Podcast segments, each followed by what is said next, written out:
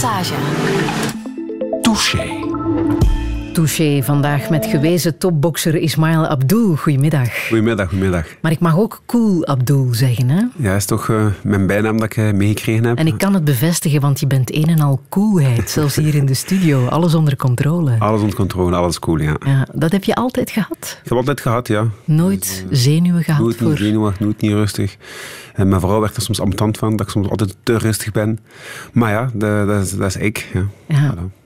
En over jou is er nu ook een film gemaakt die Cool Abdul heet. Dat is de titel van de film die op 15 oktober in première gaat op Filmfest Gent. De verfilming van jouw leven, of toch bijna. Ze hebben elementen uit jouw leven gebruikt om, uh, om een film van te maken. Betekent eindelijk op de rode loper. Klopt, klopt, klopt. Ja, voor mij is dat alleen maar een eer. Uh, ja. Als je ziet van waar dat komt en dat vandaag een film over mij gemaakt wordt, is het alleen maar voor mij een grote eer. Uh, meestal moet ik al gestorven zijn voordat ik een film maak. Dat is waar. Ik leef nog een van de film.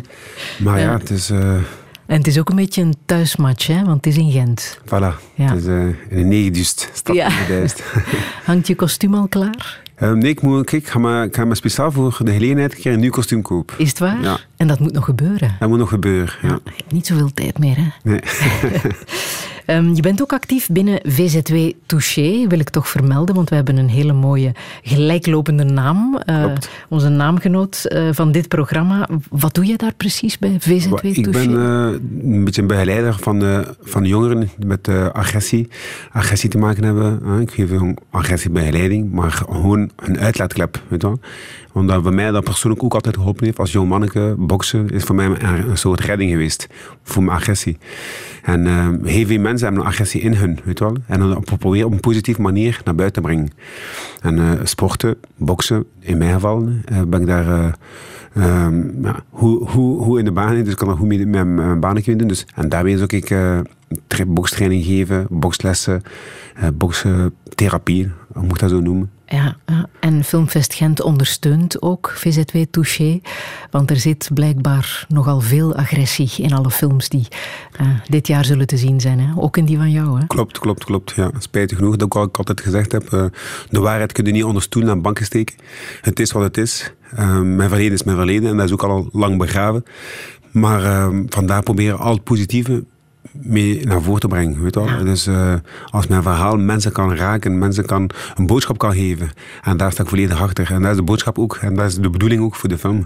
Om zoveel mogelijk mensen uh, een, een, tip, een raad te geven. Weet? Van, uh, het, kan, het kan veranderen als je echt wil veranderen. Het kan goed komen. Want hoe zou jij jezelf omschrijven, Ismail? Well, ik omschrijf mijn eigen ook, zoals, zoals gezegd heb. De naam Abdul. Rustig. Ik ben een heel kalme persoon. Iemand die niet veel spreekt. Uh, iemand die wel die veel luistert. Weet? En als je veel luistert, kun je veel horen en zien. En, en daardoor ja, ben ik uh, mijn, wie dat ik ben. Dus ja, uh, een rustige, kalme persoon. Ja. ja. Maar een man ook met een crimineel verleden, hè? Helaas, helaas, ja. Dus heel veel stomiteit gedaan, heel veel domme dingen gedaan. Wat ik zeker niet fier op ben. Um, maar ja, zoals ik gezegd heb... Um, ik heb het allemaal meegemaakt, ik weet wat het is. En dat zeker niet loont. Weet wel. Ik heb ervoor in de gevangenis gezeten, ik heb daarvoor tien jaar een stuk betaald. Dus ja, het, is, het loont zeker niet. En als ik die boodschap kan geven aan de mensen die ermee worstelen, is dat voor mij, voor mij, is dat voor mij een, een, een overwinning op zijn eigen. Van kijk jongens, ik heb het meegemaakt. Ik weet dat het alleen maar afzien is en boeten is. En, en, weet wel, het, je komt zeker niet verder, in tegendeel. Maar uh, ik ben wel bewijs ook van, als je het echt wilt, dat hoe kan komen. Dus voilà. Je kan terug op het rechte pad komen. Zeker weten. Ben je nog altijd de man met de gevaarlijke links? Is dat uh, nog altijd... Goh, uh... Ik zei het, de, de, handschoenen hangen al vijf jaar aan de haak. Ja? Dus uh, ik train wel nog, ik controle mijn lichaam zeker nog. Maar ja, de linkse was wel uh, een, uh, een, pluspunt bij mij. Ja, en een man zonder neusbeentje? Of hoe zit dat precies? Ja, nog altijd, nog altijd mijn neusbeentje, gelukkig. Dus, uh, dat is, maar niet meer in intacte staat, denk dus, ik. die was volledig vermorzeld en kapot. En volledig, ja, als je daar 26 jaar kloppen op krijgt, kan dat niet meer goed zijn. Maar ik heb het beentje nog altijd. Dus ja. het beentje is er nog altijd. En ik heb zo'n beetje een platte neus, dus dat valt ook niet zo op. Ehm, dat hij scheef staat en dat, hij, dat er op geklopt geweest is. Dus dat is het voordeel. Maar uh, ik heb mijn neusbeentje nog altijd. Ja, maar ook kaal geschoren. Hè? Dat zeer uh, bekende haarstukje. Uh, dat is er niet meer. Mijn laatste, mijn laatste wilde haren is weggeschoren geweest als mijn oudste zoon Malik geboren geweest is. Um, ja, dus, uh, dat was mijn laatste wilde haren die, die eraf mochten. Voilà. Zo'n plukje dat je liet groeien op ja, je Ja, dat was mijn kenmerk. Hè. Iedereen, hè, die een portier, ah, die met zijn club, met, die een boxeur, ah, die met zijn, met, met, met zijn toefkomst, zijn voorhoofd. Dus dat was een kenmerk. Hè. Dat is uh, ja, jaren, jaren traditioneel kenmerk geweest. Iedereen kende mij met dat plukje haar op mijn voorhoofd omdat ik vandaag nog altijd, uh, allez, zeker bij vrouwen, dat zegt van hoe dat ik u verliefd geworden ben op, mijn, u, op u. Dan is de club. Weet wel, maar uh, ja, dat was mijn kenmerk. Hè. Iedereen kende mij zo, de boxeur, de portier met zijn, met zijn toefkop op zijn hoofd. En ja, en voilà, maar die mocht weg uh, bij de geboorte van mijn eerste zoon. Ja. ja. Ismaël Abdul, welkom in Touché. Dank u wel. Radio 1. 1. Friedel Massage. Touché.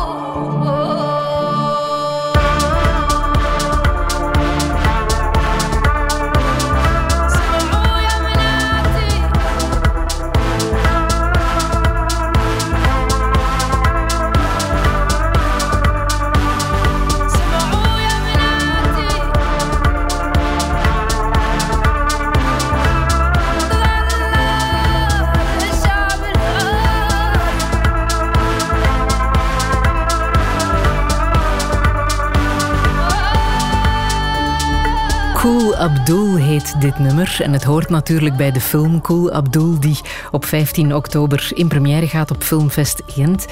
Ismail Abdul, een nummer dat naar jou genoemd is. Klopt. Er komt een film, er is al een boek. en nu ook nog een nummer. En een goed nummer, hè? Ja, ik vind het ook uh, een heel goed nummer. En, uh, ja, een, emotioneel, een emotioneel nummer. Ja, waarom? En, uh, omdat ik ook al weet dat die vrouw al gestorven is. Weet? En dat ze toch zingt over het leven, hoe hard dat de strijd het leven kan zijn soms. Weet. Dus uh, ja, een emotioneel nummer en een leuk nummer. Ja, en het past ook bij de film, want dat is ook wel een emotionele film geworden. Hè? Ja. Heb je hem zelf al kunnen zien? Ah, wel, ik, heb hem, ik ga nu de eer hebben om hem morgen te zien. Uh, ja, dus volledig te zien hoe dat hij in de cinema gaat gezien worden. Ik heb, hem al, ik heb al de eer gehad om naar te kijken, zonder de perfectie van geluid en dat en dat. Dus ik weet wel hoe dat in elkaar zit.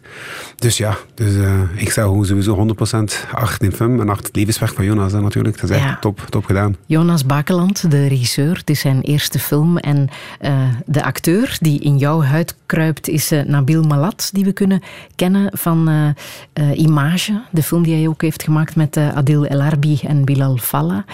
Hij moet dus jou spelen. Een bokser die zeer goed is in de ring. Heeft hij dat een beetje goed gedaan? Amai, heeft hij echt top gedaan. Ja? Ik was echt, uh, ik krijg er zelfs kippen van. Moment van een training ben ik een paar keer gaan kijken. Momenten van de set, momenten van de film. We hebben tegen elkaar gebokst ook. Um, chapeau van, van Kon iemand. hij boksen? Ja, voor iemand die niet, niets, niets, niets, niets met boksen te maken heeft, was het echt een bokser. heb jij hem leren boksen voor Nee, Carlos Kram. Carlos Kram is een, eh, een gewezen, gewezen allee, ook een ex-bokser en eh, ook acteur en een meester in zijn vak. En hij heeft, uh, ja, heeft Nabil omgetoverd in een echte profboxer. Weet wel? Echt uh, dikke chapeau naar Carlos zijn werk, want uh, chapeau hoe dat hij dat gedaan heeft. Hij heeft het goed gedaan. Weet je wel? Ieder, ieder bokser heeft zijn eigen stijl. Ik heb mijn eigen stijl. Maar hoe dat hij dat gedaan heeft, was wel uh, ja, ah, Want kan je dat uitleggen wat dat is? De kunst van het boksen. Well, voor, voor, mij persoonlijk, de kunst van het boksen is uh, de noble art of self-defense. Weet wel? Dat is het woord zelf, weet wel, de zelfverdediging. En ik had ook een vrij goede verdediging. Dus uh, ik mag dat vandaag zeggen, na 90 profkampen, dat ik er nog nog goed uitzie, hè, ondanks een zo lange carrière van 26 jaar te gebokst hebben. Maar uh, boksen is ja, zoveel mogelijk tikken en niet getikt worden. Dat was voor mij een hm. tikspelletje. Dus slagen blokkeren, ontwijken en zoveel mogelijk slagen uitdelen en zonder geraakt te worden. Dat is altijd mijn spel geweest, mijn tactiek. En dat was ook altijd de grootste troef van mijn, mijn trainer, die zei van, is weinig moeilijk slaappak, want de kop is niet gemaakt voor op te slaan. Weet wel, de kop is niet gemaakt voor op te slaan. Dus weinig moeilijk slaappak, is weinig moeilijk tikken, want het is niet vandaar dat voelt, is met een paar jaar dat gaan voelen. Dus dat was mijn ding. Dus ik was ook geen agressieve bokser, ik was een technische bokser.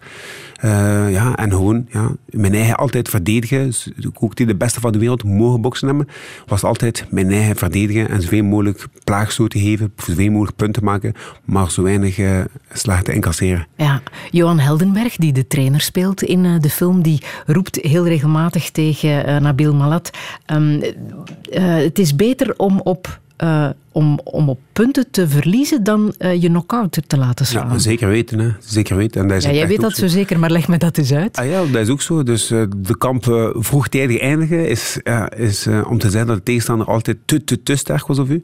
Dus, en dat is. Dus de kans, de kans maken en de kans proberen om een kamp uit te boksen is altijd een mooie overwinning, al heb je verloren.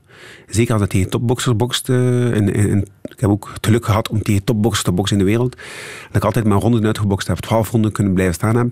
Dat ze mij niet kunnen dat is het belangrijkste. Dat is het belangrijkste als bokser, de, de, de, de, de finish te halen. Dus iedere loper, ieder sportman wil altijd de einde van de, van, van de deadline halen. Ook al verlies je. Weet ja. Dus, en ben jij ooit knock-out geslagen? Gelukkig niet. Godzijdank echt nooit niet. Geen enkele Geen keer? enkele keer KO geslagen. Er staat één technisch KO op, technische knock-out op mijn uh, palmares.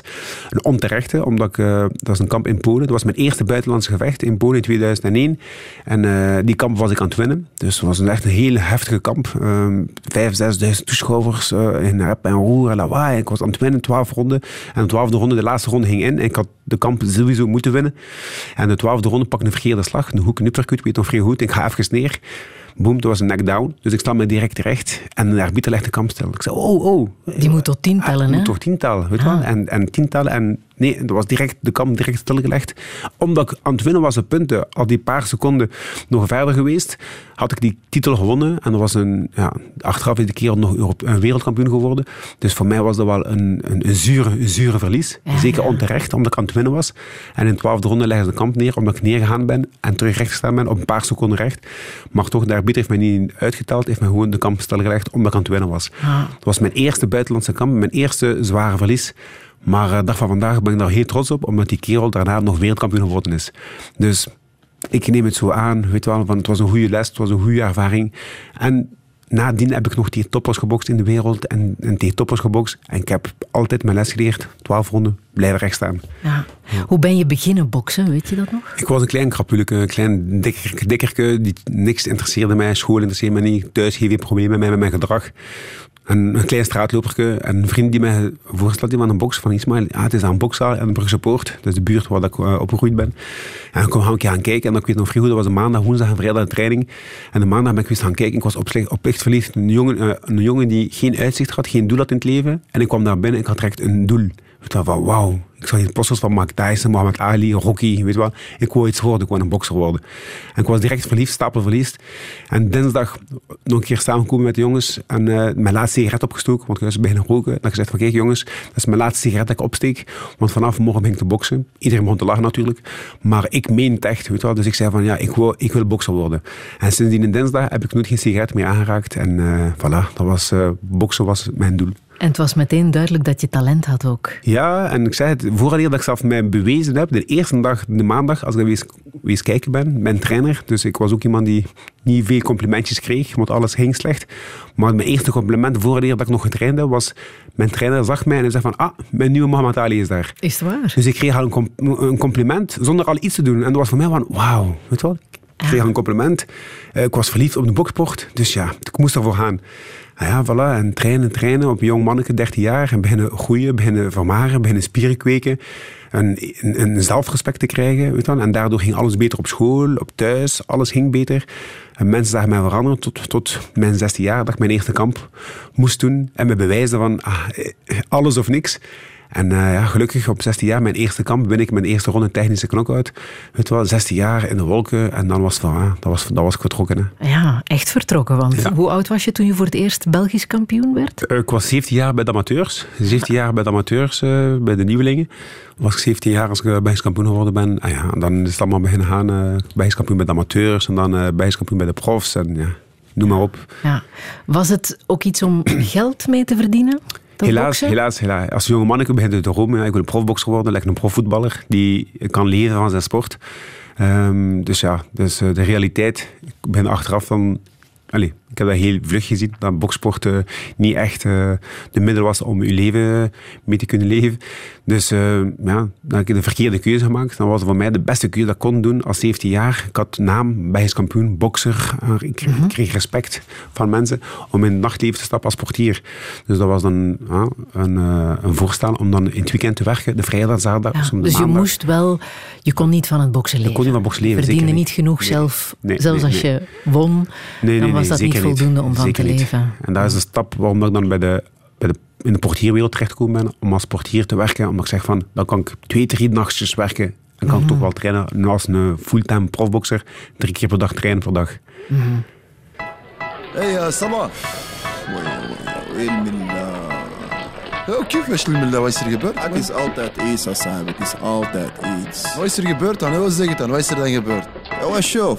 Het leven is niet eerlijk, ewa Kansen zijn er niet voor iedereen, ewa Want alles wat we doen is een probleem, ewa Dan doen we het maar lekker met de training, ewa ewa Het leven is niet eerlijk, ewa Kansen zijn er niet voor iedereen, ewa Want alles wat we doen is een probleem, ewa Dan doen we het maar lekker met de Hé, training. hey, Salah, kijk, kijk wat ik heb meegemaakt. Ik was rustig in de buurt, met drerries in gesprek. Blauwe lichten die gaan aan, automatisch ben ik weg. Ook al heb ik niets gedaan, deze tijden heb ik pech. Ze laten mij niet chillen op mijn favoriete plek. Ewa ja, dat is nog niks. Kwam just aan, aan mijn fiets. En ik hoorde iets gepikt op de grond voordat ik het wist. Met mijn arm in de twist, het gebeurde in de fiets. Wallah, zei ik wist niks. Zeg dat zeker? Wallah niet. Ja, dat is nog niets. Ik word stappend al geflitst. Maar ik weet niet wat het is, maar het is wat het is. Ik was rustig aan het stappen, maar die combi gaf mij klappen. Elke dag moet ik rennen en niemand wil dat snappen. Zeg, wat is dat met dit nou is hier nu tegenwoordig? Ze blijven jagen op ons alsof we niks zijn. Maar als er niemand er bougeren, dan komt er niks van. Dan blijven we maar de slaven van de grootste shaitan, yeah. Het leven is niet eerlijk, ewa ja. Kansen zijn er niet voor iedereen, ewa ja. Want alles wat we doen is een probleem, ewa ja. Dan doen we het maar lekker met de training, ewa ja, ewa ja. Het leven leven is niet eerlijk, ewa ja. Kansen zijn er niet voor iedereen, ewa ja. Want alles wat we doen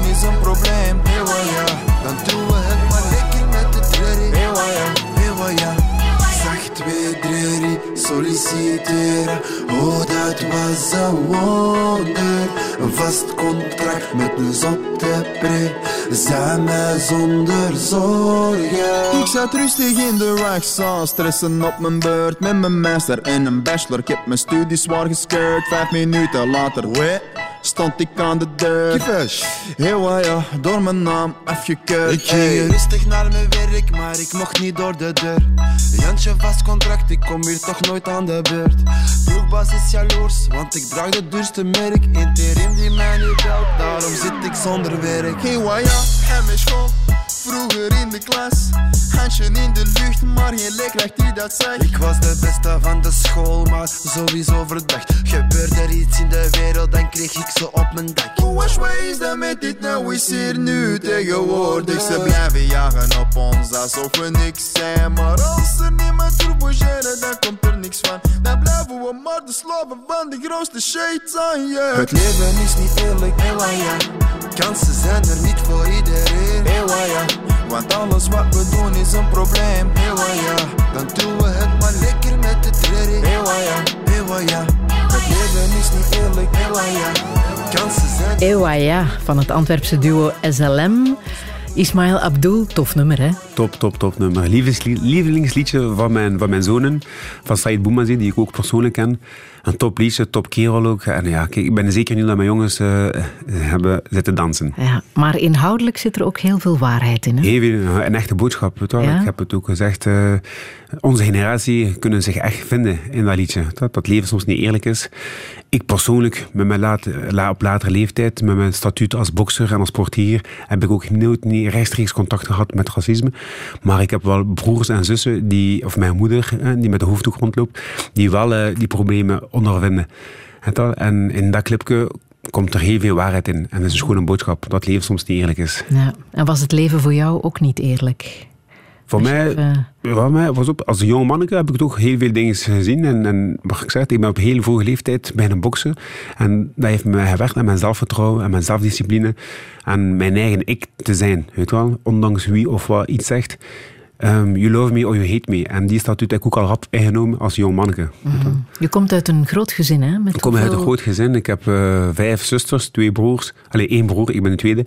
Dus met twee zonen, twee zonen en vijf, vijf zusters. Ik heb nog twee halve broers en halfzussen in, uh, in Afrika, Mauritanië. Dus uh, ja, een heel groot gezin. Ja. ja. En heb je daar goed gevoeld in dat gezin? Was het een, een fijne plek om op te groeien? Ja, als jong manneke... je, je, krijgt wat je, wat, wat je krijgt. Hè. Je bent blij met wat je hebt. Onze ouders werkten hard. op later leeftijd beseften we wel dat ze het niet gemakkelijk gehad hebben. Maar we hadden eten op tafel, we hadden alles. We niet de grote luxe, zeker niet. Weet wel. We gingen niet alle jaren op reis of zo. Of eh, we gingen niet grote activiteiten samen te doen. Als je zo'n groot gezin hebt, moet je allemaal uh, dingen beperken. Hmm. Maar uh, dat van vandaag zijn we wel heel dankbaar als je zelf ouder bent, wat je ouders moeten doen voor ja. de kinderen. Weet wel. En wat was niet gemakkelijk voor hen? Voor hen is het ook ja, dus een heel groot gezin. En, en, ja, de luxe hadden we ook niet. We hadden zeker geen luxe. We leefden in een buurt waar alles normaal was, dat iedereen hetzelfde was. Weet. Dus uh, ik zeg het, we gingen niet alle jaren op reis of we gingen hier uh, grote dingen doen samen. Dus uh, mijn moeder en mijn vader hard, maar werkten hard. Ik heb al heel veel aan mijn vader pas gedacht de laatste jaren, omdat ik ook nu ook in de bouw werk. Ik werk nu al 12 jaar in de bouw. Mijn vader ook al 25 jaar in de bouw gewerkt. En heel veel, heel veel momenten dat ik zeg van, amai papa, respect. Wat hij helemaal niet gedaan heeft voor ons. Weet ja. Ze zijn niet samengebleven, hè? Ja, helaas zijn ze niet meer samengebleven. Uh, mijn vader is nu onlangs uh, gestorven, mogen hij rusten in, in vrede. Um, ik denk, jaar 2000, 2002, ja, 2002, 2001 zijn ze gescheiden. En dan is mijn vader dan uh, op prepensioen vertrokken naar Thuisland. Waar dat hij in feite altijd terug was samen met ons. Terug naar Mauritanië. Terug naar Mauritanië gaan, ja. zijn thuisbasis in Thuisland. En uh, helaas hebben, zijn we allemaal samen kunnen gaan.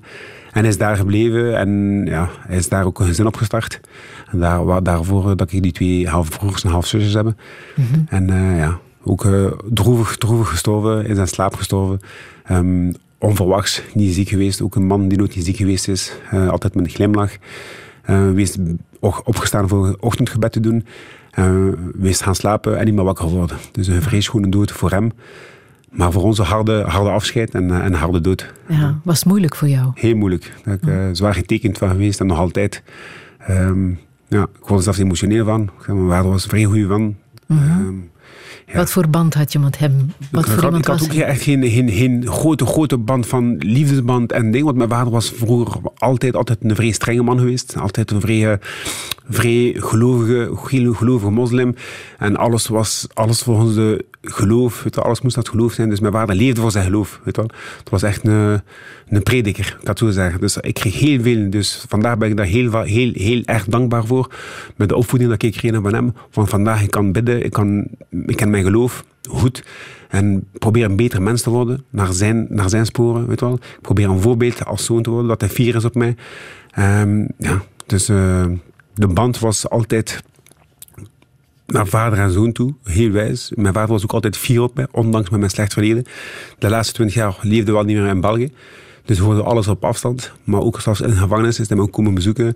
Ook als, ik, uh, als hij in Mauritanië zat, uh, probeerde ik hem te bellen. Had had, had, hem altijd raad. Uh, probeer goed te doen. probeer te zijn wie dat echt bent. Dus ja, ik heb echt een goede, een goede voorbeeld als vader, als man in mijn leven. En dat zeker mijn vader. Ja. Mijn vader was een geliefde man. Iedereen, hij was geliefd door iedereen.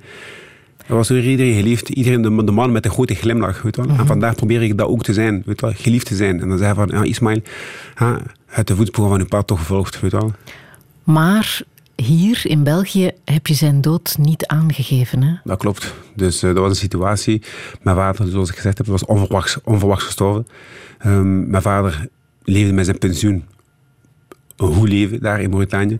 Hij leefde niet alleen maar voor zijn gezin, hij leefde voor al zijn familie, vrienden, uh, iedereen Ja. kon leven op zijn pensioen. Normaal kon hij leven als een koning met zijn pensioen, maar hij gaf zijn laatste, laatste frank uit aan liefdadigheid, aan, aan, aan, aan eten voor de arme mensen, aan de familie. En uh, zo is hij ook gestorven, weet je wel, zonder, zonder enig frank opzij te zetten. Maar En, jij eh, bent veroordeeld voor identiteitsfraude.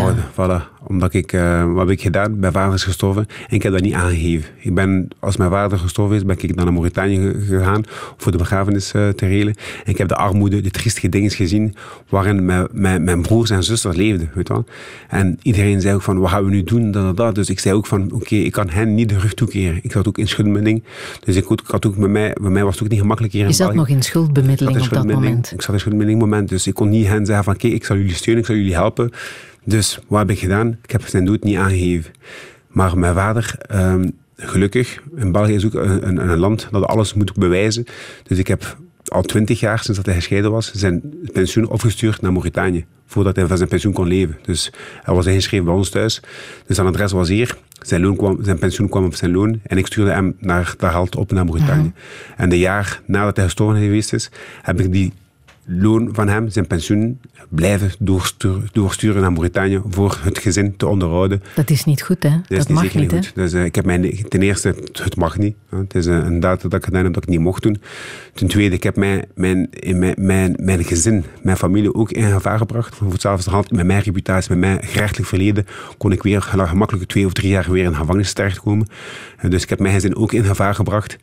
En, um, en dus, waarom heb je dat dan gedaan? Terwijl Dus, dat je ja, dat wist, dat dat- dat niet kon, dat dat niet mocht. Dat is, ja, dat is een beetje mijn ding geweest in heel mijn leven. Soms wil ik goed doen. En ondanks dat ik weet van het mag niet op die manier gebeuren, dat ik het toch wil doen. Omdat ik zeg van in mijn hoofd zijn, ik doe het niet slecht. Ik steek geen frank in mijn eigen zak. Ik Ja. Ik steek niets van dat geld in mijn eigen zak. Ik probeer mijn eigen niet mee te verrijken met dat. Het geld dat ik doorgestort heb, 15 jaar aan een stuk naar Mauritanië, had ik ook weer doorgestort naar Mauritanië.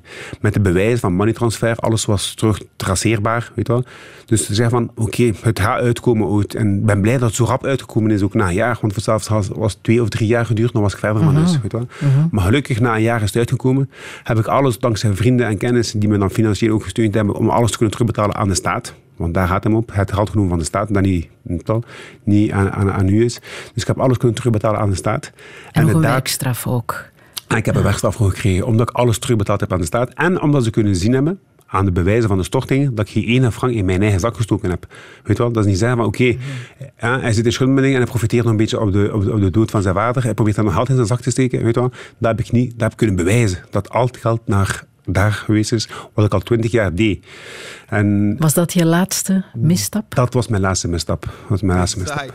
New, hey, big yeah. Y'all know how this shit go, you know. All eyes on me, motherfucker. Roll up in the club and shit. All eyes on me. All eyes on me. You know what?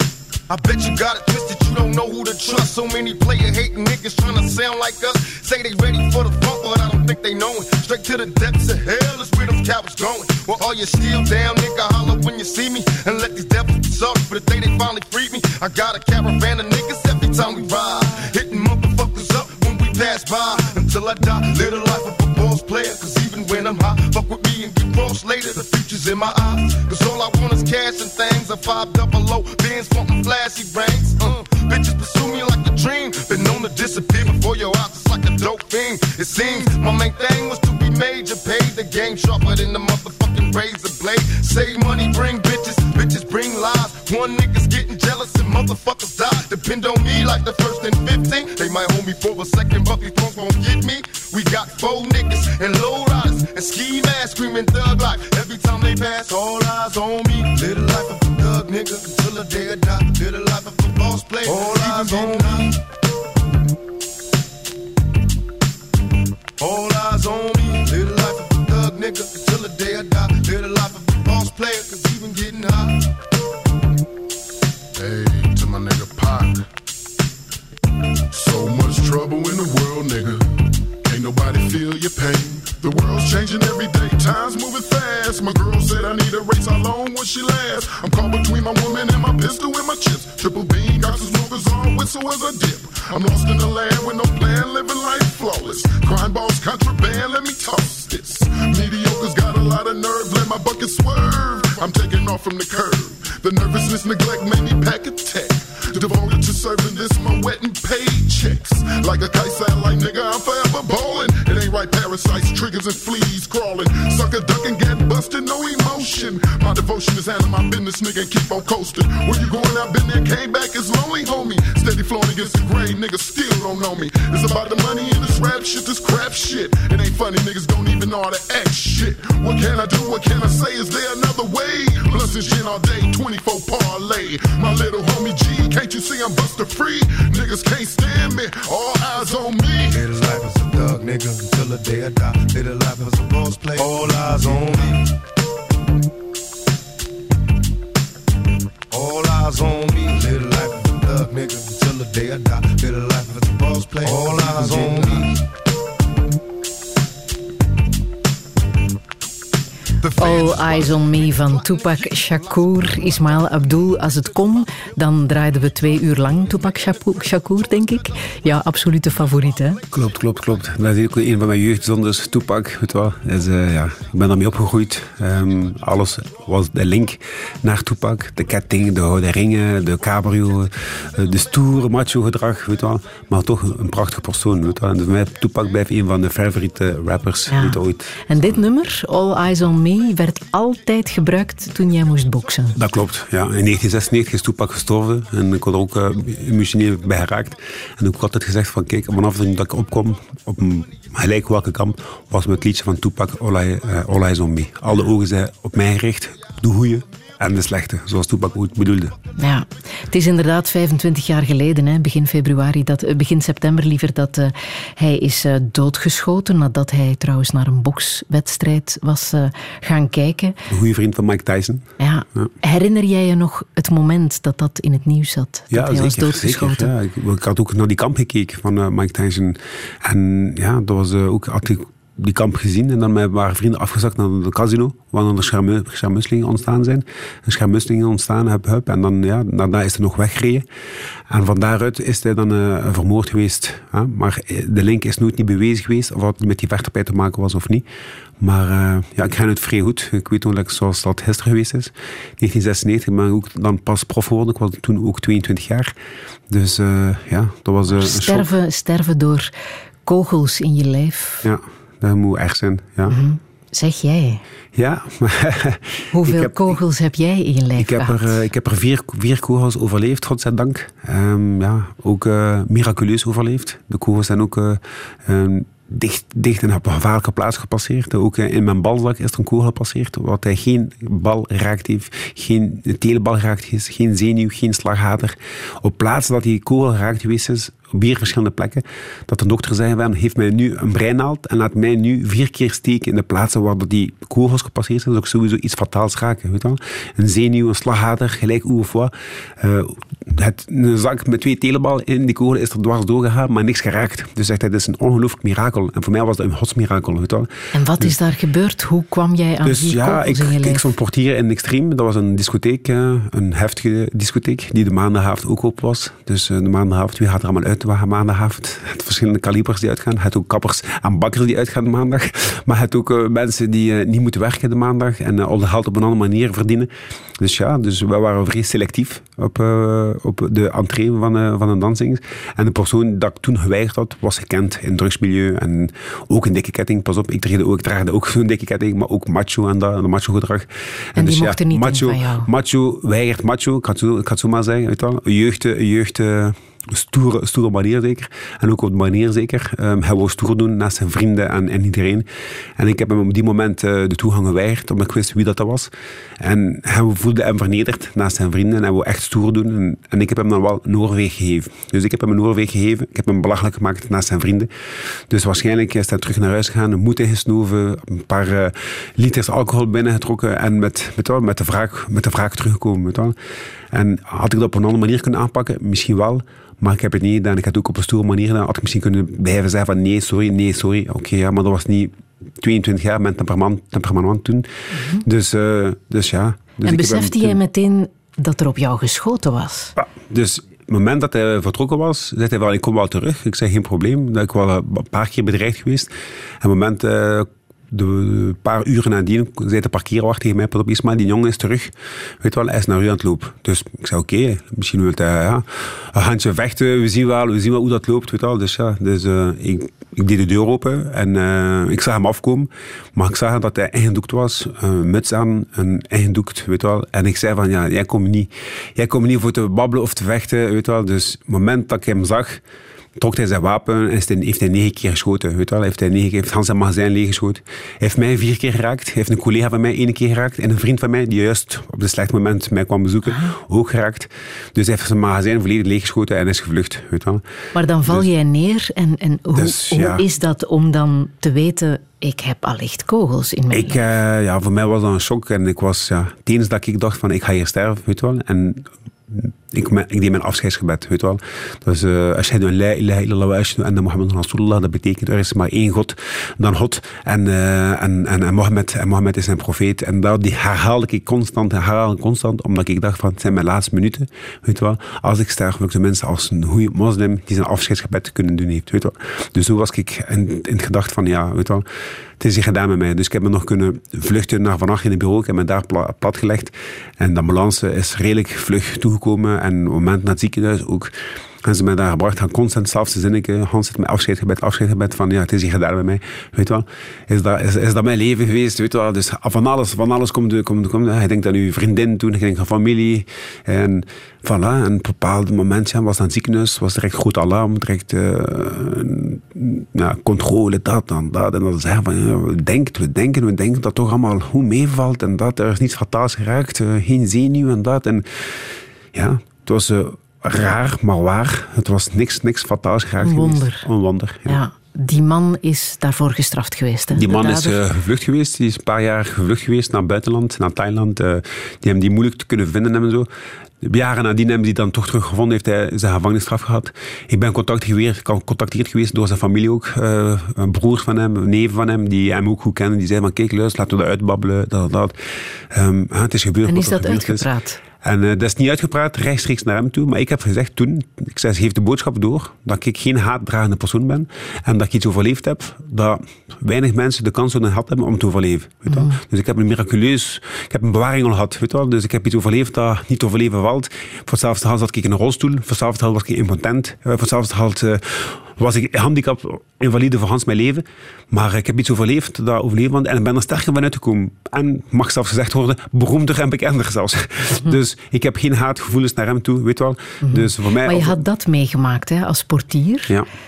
Daarna ben jij zelf een paar keer moeten terechtstaan. Hè? Ja, dat klopt. Hè. Dus, ja, en dat is ook de reden waarom dat die jong ook uh, weinig gestraft geweest is. Dat hij maar ook twee jaar, twee jaar gestraft geweest is voor een schietpartij. Zes kogels. Uh, Wat heb jij allemaal op je Ik heb heel veel stomiteit gedaan. Ik heb, ben een veroordeeld geweest voor benenvorming, criminele organisatie, uh, slagen en verwondingen, oplichting, um, ja, criminele organisatie, noem maar op. Dat is heel veel, heel veel dingen. En hoeveel keer in de gevangenis? Ik heb vijf keer in de gevangenis gezeten. Vijf keer, dus vier keer voor arrest in de gevangenis gezeten. En één keer mijn straf uitgezeten van 2007 tot 2009, twee jaar. Dat was het zwaarst? Dat was het zwaarste, de zwaarste, ja. Het zwaarste straf dat ik zeg is nog altijd um, een mens naast, hij is een man, een man overleeft in elke situatie. Weet? Dus je zit in de gevangenis, je zit in, in afsluiting. Maar de ergste straf voor mij was mijn dierbare zien afzien rondom mij. Want ik zat in de gevangenis en ik trainde in de gevangenis, ik liep in de gevangenis, ik, ik keek naar tv naar de gevangenis. Mijn leven ging voort in de maatschappij, in de maatschappij. Weet je wel, mijn leven ging gewoon door. Maar de ergste straf was voor mij mijn dierbare zien afzien. Mijn, toen, was, toen was dat mijn vriendin, maar mijn vrouw, die me elke zaterdag kwam bezoeken in Merkspas. Een uur moest rijden om mij te komen bezoeken. En dan weer een uur terug. Weet je wel, de tranen in haar ogen, de, de, de schande, de, de, de, de, ja, de schaamte, de alles moeten meemaken heeft nog meer stomiteit, door mijn dommeheid. You Je zat eerst in de Nieuwe Wandeling in Gent en dan ben je verhuisd naar Merksplas. Klopt. Hoe was dat? Nieuw Wandeling, Nieuw Wandeling was een, een drie-ster hotel tegenover. Weet je Is het Dus had alle dagen bezoek. Had alle dagen bezoek. Had een kantine. Mijn vrouw kon mij alle dagen komen bezoeken. Weet je wel. De band was closer. Uh, in hand kent iedereen mij ook, weet wel. Maar dan was ik op transfer gevlogen, omdat ik toch mijn straf kende. Had ik uh, vijf jaar gekregen, dus vijf jaar. Ik moest normaal die vijf jaar zitten. Dan ben ik getransfereerd naar Mersplas. Maar Mersplas toen was een primitieve gevangenis. Wat dat, uh, ik op celblok. Ik ben terechtgekomen op celblok. Al de nieuwe gasten komen toe op celblok. Wat is dat, celblok? Celblok zijn degenen die, ten komen eerst naar daartoe op, op, observatie. En na een maand of twee observatie, dan ga je naar een paviljoen. En dat zijn cellen met toiletten, met, uh, met vier op cellen, met twee op cellen, duo cellen, quattro cellen. Maar een in, in, een celblok is dat duocel of een solocel, maar geen lopend water. Dus het een kanneke dat moet overleven, twee kannekes per dag. En een toilet, een emmer met een deksel op, daar moest hij behoefte doen. Dus daar moest een groot toilet doen. Maar als je alleen zit, oké dan nog. Maar je met twee zit, dan is hij behoefte, hij zit daar. Weet Dus dat was echt een primitieve gevangenis. En voor mij was dat een cultuurschok. Dus het moment, ik heb vier keer in een nieuw wandeling gezeten, in een nieuw wandeling dat een luxe was. En dan kom je in één keer terecht in een gevangenis, dat je zegt van, wow, we zijn in het jaar 2000, we hebben geen gewoon lopend wc, je hebt geen lopend water. Dus voor mij was dat echt een cultuurschok van, wow, bestaat dat nog? Weet je? En, dat was ook direct met mij een telefoon met een advocaat. Ik moet hier weg, ik moet hier weg, ik wil er niet blijven. En na een paar weken ook een goede gast leren kennen, Mark, die ook een stelgenoot was van bij mij. Vandaag ben ik ook Peter van zijn kindje. Weet wel, uh, we zijn echt broeders geworden, vrienden geworden, weet wel. En, en we woonden daar niet meer weg. Ik was zelfs met een nieuwe wandeling. Het eten was daar beter of een nieuwe wandeling. Um, de, de, de, de, wandeling was beter. En ja, ja je ook hoe dat de mens hem kan aanpassen, ook in de slechtste penibele situatie. Maar je hebt jezelf ook een job gegeven, denk ik. Hè? Dus ik heb ook het geluk gehad dat ik uh, Fatiek, dus Fatiek is een, een, een, een hulper die iedereen dus de eten geeft aan, aan gevangenen. Dus ik, was, ik liep vrij rond in de gevangenis. Um, dat was een grote redding voor mij ook. Ik moest niet naar de paviljoen, want ik was gekomen in de gevangenis om mijn straf te aanvaarden, maar om mijn straf daaruit te zitten. Niet om vrienden te maken of niet om met vier op cel te zitten of met twee op cel te zitten of iemand die rookt en dat. Nee, dus ik wou alleen. En dat was het voordeel dat ik mocht twee jaar op stelblok zitten, ik fatiek was. Dus iedereen die binnenkomt, buitenkomt, zag ik toekomen. Ik moest de cellen poetsen als iemand vrijkwam. Ik moest de eten opdienen. En de grootste pluspunt dat ik had, ik had een gsm. Ah, Ik had een gsm waar niemand wist dat ik een gsm had. Ook te weten, ook te gekregen. Dus zonder dat ik eruit gestoken heb in de gevangenis. Ik had een gsm. Dus ik had elke dag s'avonds een telefoongesprek met mijn vrouw. Weet wel, en dat is mijn redding geweest. Met een gsm op cel waar niemand van wist, weet wel. En ik kon bellen met haar. Wij keken samen naar tv. En we gaan kijken vanavond. Ik ga naar dat kijken. Ik ga naar Friends kijken. Ook ik ga ook naar Friends kijken. Dus we hadden telefonisch contact. Dat was toen met Lika naar Lika nummer. Dus uh, Lika Lika, dat was, kon gratis naar elkaar bellen. Dus ik kon, kon uren naar elkaar bellen. Zonder, zonder uh, kosten, weet wel. Dus we konden gratis naar elkaar bellen. En dat was mijn redding geweest. Weet ah. Dus een jaar en een half hadden wij contact. Als er iets was, ook van bericht kosten met sms'en. Van bam een keer. Hup, ik ging naar het wc. Wat is er? Kon, kon, kon communiceren. Dus we waren van elkaar gescheiden. Maar we hadden toch contact. En dat is mijn echte redding geweest. Weet wel? Mm. en kan je zeggen, want je bent vervroegd uh, vrijgekomen. Ja. Na hoeveel tijd? Na twee jaar. Ja. Dus na, pak, na jaren, zes maanden, na jaren, acht maanden, mocht ik... Uh, Um, ik heb mijn bewezen gevangenis dat ik me gedragen heb. Mhm. Behalve nu, die zonder dat ik nu opbiecht dat ik een gsm had, dat niemand van wist. maar, um, Doet hier een bekentenis? Ik doe een bekentenis, omdat, uh, omdat ja, dat mijn redding geweest is, eerlijk gezegd. -hmm. Dus de, de, de, band naar mijn vrouw toe, eh, de contact met mijn vrouw toe... Is, is heel uh, belangrijk. Is heel belangrijk geweest. Weet maar kan je zeggen dat de straf op zich, die gevangenisstraf, dat dat echt nodig is geweest voor jou? Heb je daar iets aan gehad? Zeker niet. De gevangenisstraf heeft mij echt niet gedaan. Het is niet door de gevangenisstraf dat ik veranderd ben. En het is niet door de gevangenis dat ik een beter mens geworden ben. Integendeel. Door wat dan wel? Het is door de zelfbesef. Zelfbesef van, zo gaat het niet verder. Zo moet ik veranderen. Weet je wel? En dat, heeft, dat, is dat heeft mij veranderd. Door mijn eigen, mijn eigen ik te ontdekken van, zo kunnen we het niet verder. Weet je wel? Uw dierbaren die afzien zijn. Weet je wel? Dat hij doet voor jij, oké. Maar al die andere mensen rondom u, die zijn meer af. Of dat hij afzien, letterlijk zeg. Ik kon bellen, ik kon trainen, ik kon naar tv kijken. Ik was aan het lachen in de gevangenis. Buiten ieder familielid op een familiebijeenkomst, waren triestig om te zeggen van, oh, Isma zit daar nu in gevangenis en jij zit daar, wij zitten te feest en jij zit daar. Maar ik leefde. Mijn leven was, nu, was dan toegaan ook, weet je wel? Ook ondanks uh, een opsluiting. Dus, uh, Toen je vrijkwam, um, heb je nog een enkelband gekregen, hè? Ja. Voor een tijd. nog een vier maanden een enkelband gekregen. Dus ik ben vrijgekomen met een werkcontract. Wat baas. vond je daarvan? Van die enkelband? Was dat dat was voor mij een goede redding. Ja? Ik kon thuis zijn, ik kon bij mijn geliefde zijn. Je kon zelfs boksen? Ik kon zelfs boksen. De eerste bokser die ooit gebokst heeft met een enkelband was enkelband. ik. Ja, mijn enkelband. Ja. Dus ik kon doen wat ik wou doen en ik, ik was vrij. Dus ik, oké, ik moest thuis zijn, ik moest werken en werken en van mijn werk terug naar huis. Maar ik was vrij, ik was thuis, ik was bij mijn vrouw. Dus Ha, mochten mij zeggen, je moet nog tien jaar een enkelband dragen. Met veel plezier, weet wel. Dat was mijn leven nu. Het was gedaan met, uh, met de rap en roer te leven. En dat ik gewoon thuis, gezellig, met mijn vrouw, mijn leven verder doen. Werken aan mijn toekomst. Ja. Je, moest ook nog een stevige schuld aflossen. Hè? Voilà. Ik heb bijna 300.000 euro burgerpartij, boete, schadevergoeding, alles moeten betalen. Dat is een huis? Een huis, voilà. Dus ik heb een huis al betaald op tien jaar tijd. Uh, mijn, mijn mijn, mijn bouwprims. Alles ging naar mijn Um, en ik leefde met de minimumloon dat ik kreeg om te overleven. Weet wel. En nog, nog een, uh, een zware beproeving geweest. Weet wel. Van weet wel, rekenen, boodschappen doen en rekenen. Van ik ga vandaag maar vier, vijf dozen melk kopen. En ik ga van de week weer. Weet. Dus ik moest rekenen. Ik had zwart sneeuw gezien. Mijn zeker mijn vrouw ook. Ze ook alles afgezien met mij. Het zijn mijn zijn mijn dommigheden. Maar mijn vrouw en mijn dierman ook mee afgezien met die probleem. En zeker mijn vrouw.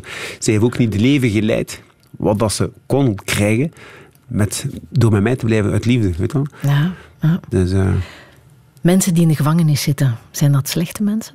Nee, is daarom. Ik kan niet zeggen allemaal. Het overal goede, het overal slechte. En dat is ook met de gevangenis, gevangenismensen. En daarvoor ook, ik kan misschien op die twee jaar dat ik gezeten heb, heb ik misschien vijf goede vrienden aan overgehouden. Dat ik zeg van, dat zijn echt goede gasten, weet je wel. Ja. Maar en hoe, hoe herken je dan goede gasten. Ja, met aan praatjes, aan praatjes en dingen zijn iedereen bij goede gasten. Hè. Met aan praatjes kunnen iedereen, maar iemand, echt iemand leren kennen. Ja. Like bijvoorbeeld Mark. Ik heb met hem twee, twee maanden op stal geleefd, weet je wel.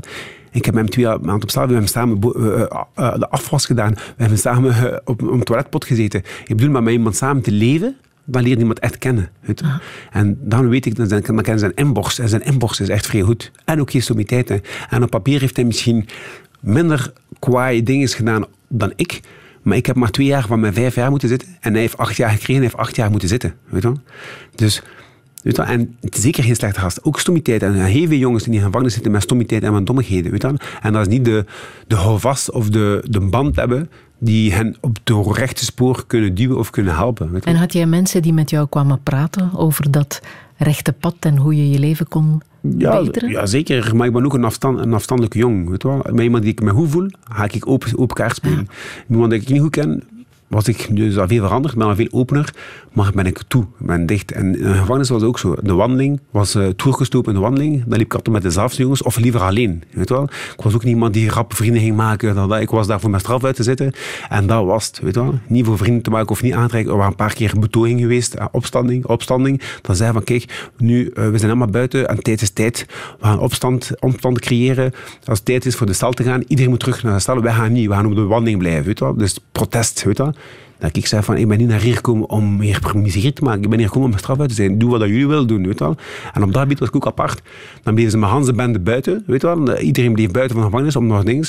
En ik was misschien soms de enige of een paar die terug naar zijn stal ging. Maar ik was daar niet gekomen om een bende te creëren of ik was daar niet gekomen om een paar vrienden te creëren. Ik was daar gekomen om mijn straf uit te zitten. Dus opstand of niet, ik deed wat ik moest doen. Ik ging naar mijn cel, ik ging daar. En dan mochten mensen misschien zeggen van, oh, ja, had lekker of zie of dat, dat. Maar daar lag ik niet wakker van, weet wel. Ik mm. ben gekomen om mijn straf uit te zitten en niet om vrienden te maken of gelijk hoe wat. Heb je daar boeken gelezen in de gevangenis? Ik heb daar in het begin een paar boeken gelezen. Als ik, uh, dat was zeker in die wandeling, daar heb ik een paar boeken gelezen. Maar uh, de meeste boeken dat ik gelezen heb, like van Muhammad Ali, Mike Tyson, die heb ik dan toch, ja, uh, dat was uh, buiten mijn detentie gelezen. Ik ben niet echt een grote lezer. Buiten mijn vrouw willen zij lezen bijvoorbeeld boeken, boeken, boeken. Maar ik ben geen echt grote lezer. Maar de boeken dat ik gelezen heb, zijn meestal van mensen met, met een geschiedenis. Weet je wel? Zoals Malcolm Zoals, X. Ja. Malcolm X, Muhammad Ali. hun, leven, hun leven ken ik van buiten, weet je wel. Door de boeken dat ik gelezen heb. Ja. En Muhammad Ali, waarom bewonder je die zo? Dat is zo'n grote persoon. Ook omdat, ik zeg, die mensen ook zo'n grote kampioen, zo'n grote mens, maar die heeft ook niets voor niets gehad. Ah. Die leefde in een periode, een tijdperk, dat in Amerika een zwarte man niks was. Weet je? Een periode waar die was de eerste zwarte man die durfde zeggen van I am the greatest. Buiten in de tijd dat een zwarte mensen niet samen op de bus mochten zitten, niet samen van dezelfde kraan mochten drinken. Weet je? Een periode dat hij als Amerikaan geen Amerikaan was. Weet je? En hij heeft ook zelfs de, de, de oorlog van Vietnam geweigerd, omdat hij ook gezegd heeft, geen, geen Vietnam heeft mij ooit uitgemaakt van zwarten of gelijk of wat. Dus ik ga niet gaan vechten tegen een, een, een, tegen een land die mij niet onrespecteert. En in mijn eigen land, waar dat ik niet gerespecteerd word, dat ik niet zie als verwaarde burger of zwart Amerikaan, dat ik daarvoor ga gaan vechten. Dus die heeft dan heel veel, heeft zijn bokslicentie kwijtgespeeld. En van wereldkampioen naar niets uh, moeten leven. Ook met uh, talen en rekenen, uh, financieel moeilijk gehad en al. Was herkenbaar voor jou? Heel herkenbaar. Weet je wel? En gewoon het principieel. Vandaag heel veel in die status als kampioen zouden alles doen om die status te behouden. Maar hij heeft zijn status opzij gelegd, gewoon uit een principieel, principiële morale plicht. Dat hij zegt van, nee, het is oneerlijk en ik ga niet gaan vechten voor iemand dat niet, dat niet verdient. Dus zo'n grote man heeft zoveel meegemaakt, weet wel, dat ik daar gewoon naar opkeek. En dat ik vandaag ook als bokser, ik ga mij zeker niet vergelijken met een grote kampioen, dat zeker niet, weet wel. Maar als bokser wil ik ook in de voetsporen eindigen van, kijk, hij doet toch iets terug voor de maatschappij. Want die man, hij heeft heel veel voor de maatschappij gedaan, voor de zwarte gemeenschap, voor de voor een boksport, voor alles. En als ik die spoor ook kan volgen, met ja, plezier. Dat je ook kan zeggen, I'm the greatest. Dat weet je zeker niet. En Mohammed Ali heeft ook altijd gezegd, I am the greatest.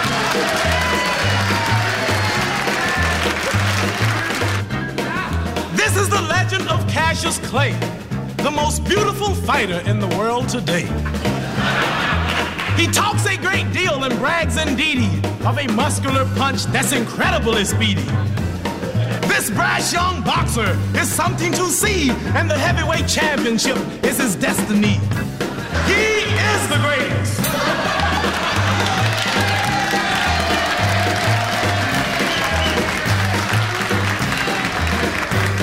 This kid fights great. He's got speed and endurance.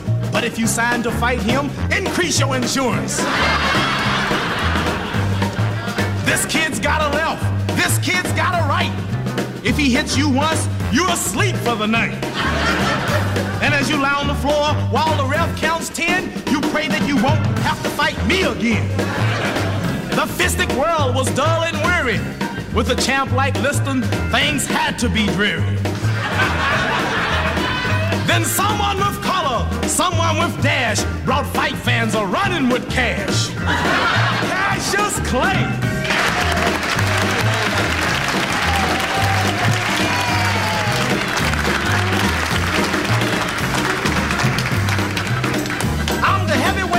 Champion of the world. And I'm going to become champion of the universe. I am the greatest van uh, Mohammed Ali toen hij nog Cassius Clay heette. En zometeen praat ik verder met onze Mohammed Ali, Ismail Abdul. En dat is voor zometeen na het nieuws van 12 uur. Radio 1. 1. Friedel Lassage. Touché. Touché met ex-bokser Ismail Abdul. Veertien jaar geleden was zijn leven al rijp voor een boek. Nu is er ook de film Cool Abdul, die ruwweg op zijn leven is gebaseerd en straks op Filmfest Gent in première gaat. Een leven vol tegenstellingen. Als bokskampioen haalde hij niet alleen Belgische en Europese trofeeën binnen, hij werd ook veroordeeld tot vier en een half jaar cel. Zijn linker mag dan al een moordwapen zijn, toch kreeg hij ooit vier kogels in zijn lijf. En ook al liet hij zich door foute mensen meeslepen, toch bleef zijn geliefde altijd in hem geloven. Maar hoe moet het verder? Heeft hij een verklaring voor zinloos vandalisme? Waarom is zijn geloof zijn redding? En laat ook hij wel eens een traan. Dit is Touché met Ismail Abdul. Een goede middag.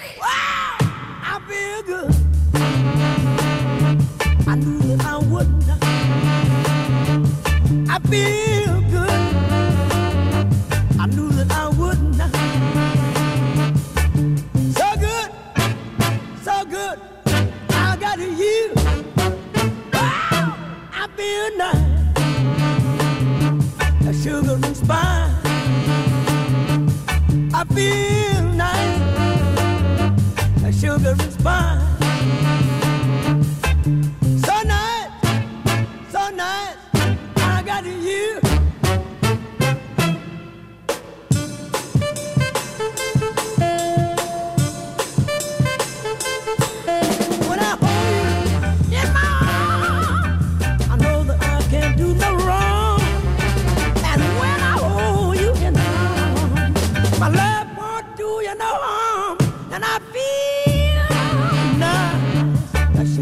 spice.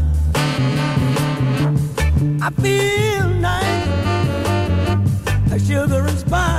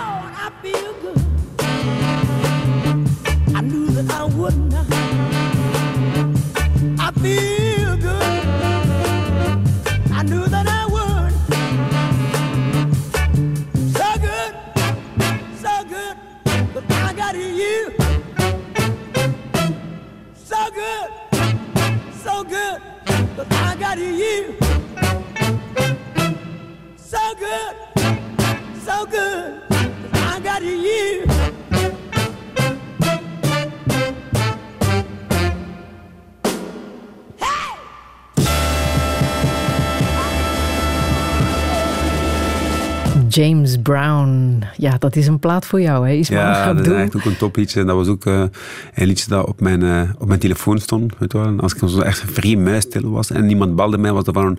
Wauw, dat is James Brown. Iedereen was goed ervan. Ja, maar dat was niet de gsm in de cel? Nee, zeker niet.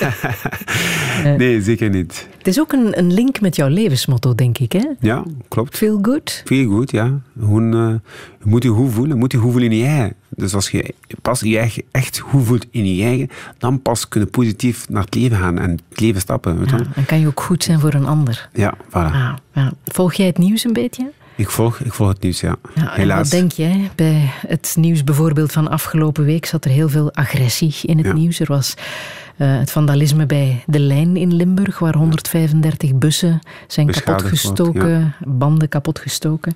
Um, een jongen van 15 en een jongen van 17 door een messteek uh, Ja. doodgestoken. Wat denk je als dit soort dingen in het nieuws zitten? Het is heel triestig, heel triestig hè, dat er toch zoveel geweld, geweld op de wereld is. En dat is niet alleen hier in België, overal in de wereld. Hoeveel geweld dat er overal mee gemoeid is. En dat is heel triestig. Hè. En like ook jongeren die vandaag met, gewoon met de mes op zak lopen. Dat is, dat is zoeken op voorhand achter het probleem. Je weet als je zoiets bij hebt, een situatie dat er zit wat dat nauw is, kunnen dat gebruiken. Weet je. Dus dat is, dat, is, mijn voorbedachte raden, zoals ze zeggen. Weet wel.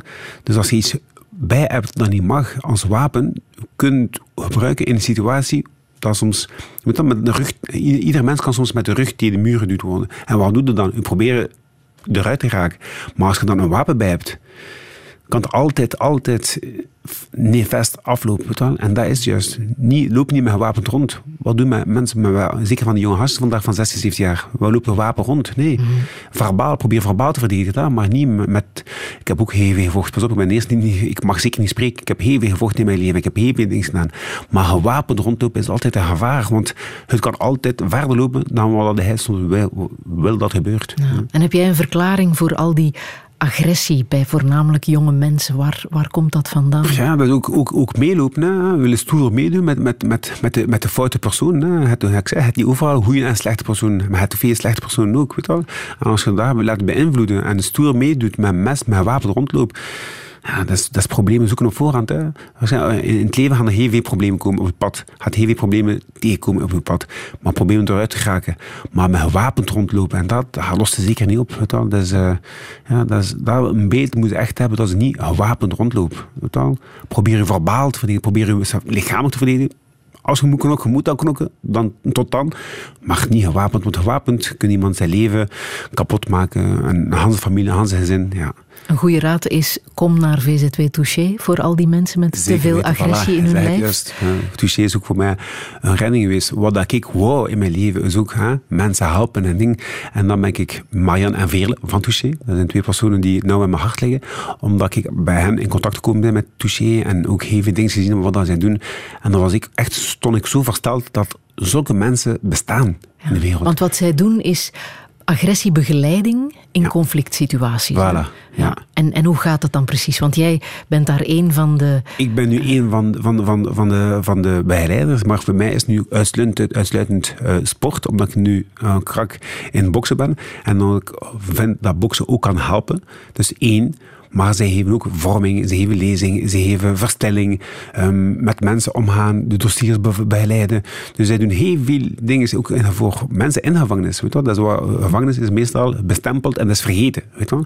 Maar zij gaan juist naar gevangenissen. Zij geven vormingen, ze geven lezingen, ze geven ehm, dingen om mensen toch een, een inzicht te proberen te geven dat geweld geen oplossing is. En als je geweld hebt, probeer in een positieve zin te gebruiken. Weet je wel. Want je zegt verstilling. Ja. Daarmee begint vaak een sessie, hè? Ja, dat heeft Gewoon ook. stil heeft- zijn. Ja, gewoon stil zijn. In de innerlijke rust. Hè, ik ben daar nu ook niet eh, 100% mee in. Maar de collega's die dat geven, die zijn daar echt gespecialiseerd in om te proberen. Want het, ieder mens is anders. Bij mij zou het misschien, misschien niet, niet gelukt hebben in het verleden, verstilling, omdat ik te veel dingen nodig heb. Weet. Ieder mens is anders. Maar het mensen die dat nodig hebben, verstilling, rust komen en, en, rust in hun eigen komen. Weet. En het mensen die een uitlaatklep nodig hebben, ehm, moeten kunnen afzien, moeten dingen. En wij geven dat. Dus wij zoeken de, de persoon die bij ons komt met alles terecht. Weet.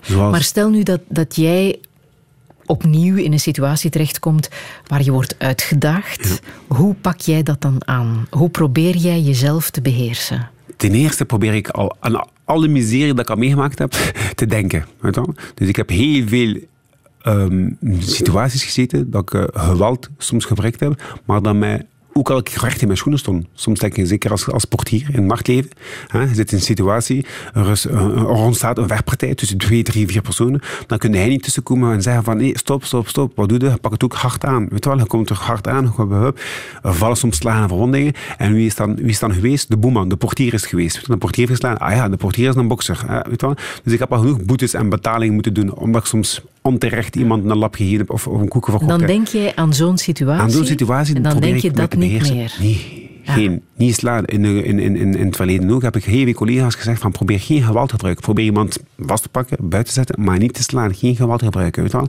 Geweld is geen oplossing voor niets. Niet voor de, voor de tegenpartij en niet voor de ruw, want hij kan ook problemen krijgen. Weet je wel? Dus geen geweld. Probeer geen geweld te gebruiken soms kan het niet anders, weet wel. En dat het dat, dat, dat toch moet verantwoorden daarna bij de politie. Uh, ik heb ook al on, on, een paar jaar geleden in een vechtpartij gezeten, dat ze mij aanvallen met flessen, met dingen. Dus ik heb mij ook moeten verdedigen. En daar kunnen mijn woorden niet terecht. En dan moeten soms geweld gebruiken, weet wel. Maar je mocht je dan altijd weer achteraf gaan uitleggen wat er gebeurd is. We gaan gelukkig getuigen die kunnen bevestigen in die ding dat hij recht in die schoenen stond. Soms in die nachtleven en soms situaties. Maar geweld is sowieso geen oplossing. Ah. Ah. En waar doe jij aan conflictbeheersing? Doe jij dat in een boksclub bijvoorbeeld? Wij geven dat in een boksclub, uh, in een boksclub, in een bokslocatie. Um, we hebben ook een, uh, een touché, een kleine, een kleine ruimte, dat we één aan één uh, bokslessen kunnen geven. dat ze ook daar even een volledige uitlaatklep kunnen genieten. Um, Want daarvoor is de sport goed om die agressie uit je lijf te krijgen? Ik vind wel wel. Ik ben er getuige van uh, dat dat zeker helpt. Ik ben een hele rustige persoon en dat is altijd door mijn sport geweest ook. Oké, okay, mijn geloof is er ook altijd een grote rol mee gemoeid. Maar mijn sport heeft me altijd een rustige persoon kunnen doen kalmeren. En merk je bij jonge mensen dat er iets verandert als ze beginnen te boksen? Zeker weten. Ja? Zeker weten. Hele jongens. En ook niet alleen, maar, niet alleen maar naar agressie toe, maar ook naar zelfdiscipline toe. Als je dan een, een sport beoefent, waar dan, dan, dan toch vindt van, ah, ik heb er toch talent voor, dat ze dat toch gebruiken dan en dat ze toch anders begint te denken. Weet je wel? Um, als ze een keer een, een half uur op een bokzak mogen mappen, dat ze achteraf gaan zeggen van nu mogen ze mij iets afkomen, ik heb me deut gedaan en ik ga anders reageren, moest nu iets met, met een ander vragen of dat je mij iets aanstelt. Dat is toch anders kunnen hun gedragen. Wel? Dus, is ons land een goed boksland? Is dat een beetje goed geregeld? We hebben heel veel talent. We hebben heel veel talent in België, heel veel boksers. Maar het probleem is, in België, zoals veel andere sporten in België, je krijgt niet terug wat dat erin steekt in, in de boksport. Weet mm -hmm. Dus sporten moet doen ten eerste voor je eigen. Maar als je dan competitief naar voren gaan, ondervinden dat het niet gemakkelijk is om ergens te komen. Zoals nu, als je ziet, ons Olympisch, Olympisch team, die niet kunnen meedoen heeft in de Olympische Spelen, omdat er heel veel barragekampen zijn en zo. We raken nooit niet tot aan de top voor toch het kunnen meedoen aan de Olympische Spelen. En alle landen doen mee. Bij België doen we al jaren niet mee in het Olympisch team, Olympische Spelen. Terwijl we toch Terwijl wel we heel veel talent hebben. Gehad, heel, veel, en heel veel talent. Ah. Heel veel talent. Nu ook. Hè. De, de Victor Schelstra, die nu in het nationaal team zit. En nog andere toppers die er juist net niet geraken. Omdat we niet de middelen zijn, het land zijn, die de boksport kan helpen. Weet je wel? Mm -hmm. Of dat de sport niet het goede imago heeft? Dat ook. Mensen hebben ook soms eh, heel veel mensen die er schrikken. Maar een bokser, een vechter. Maar je kunt alleen maar respect hebben voor de sport als je het zelf komt doen. Kom een keer mee trainen. Kom een keer denken in de, in de, in de kring.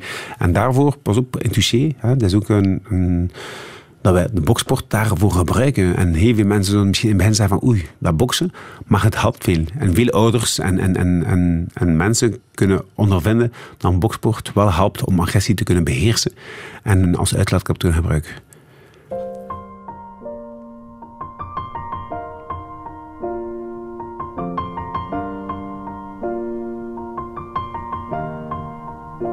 It's been a long day without you, my friend. And I'll tell you all about it when I see you again. We've come a long way from where we began. Oh, I'll tell you all about it when I see you again. When I see you again. Damn, who knew?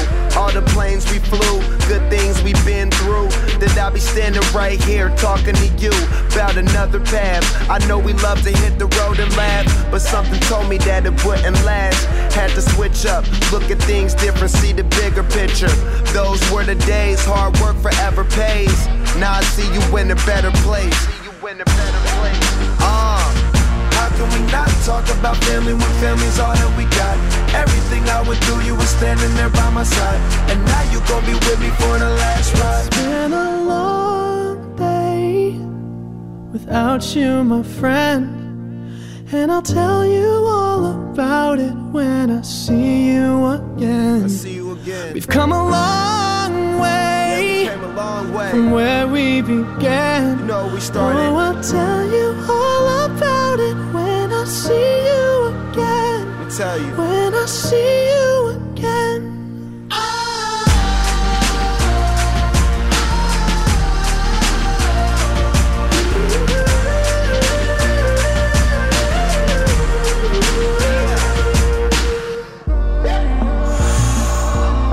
both go out your way and the vibe is feeling strong and what's small turn to a friendship, a friendship turn to a bond and that bond will never be broken, the love will never get lost.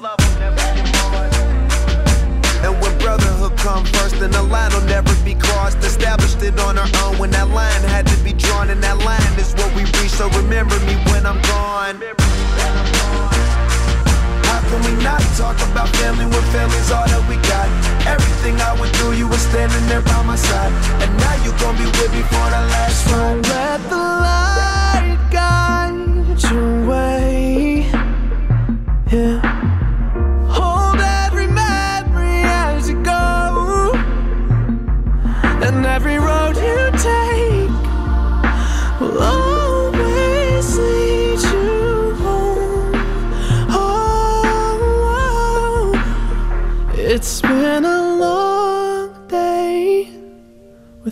you, my friend. And I'll tell you all about it when I see you again. We've come a long way from where we began. Oh, I'll tell you all about it when I see you again. When I see you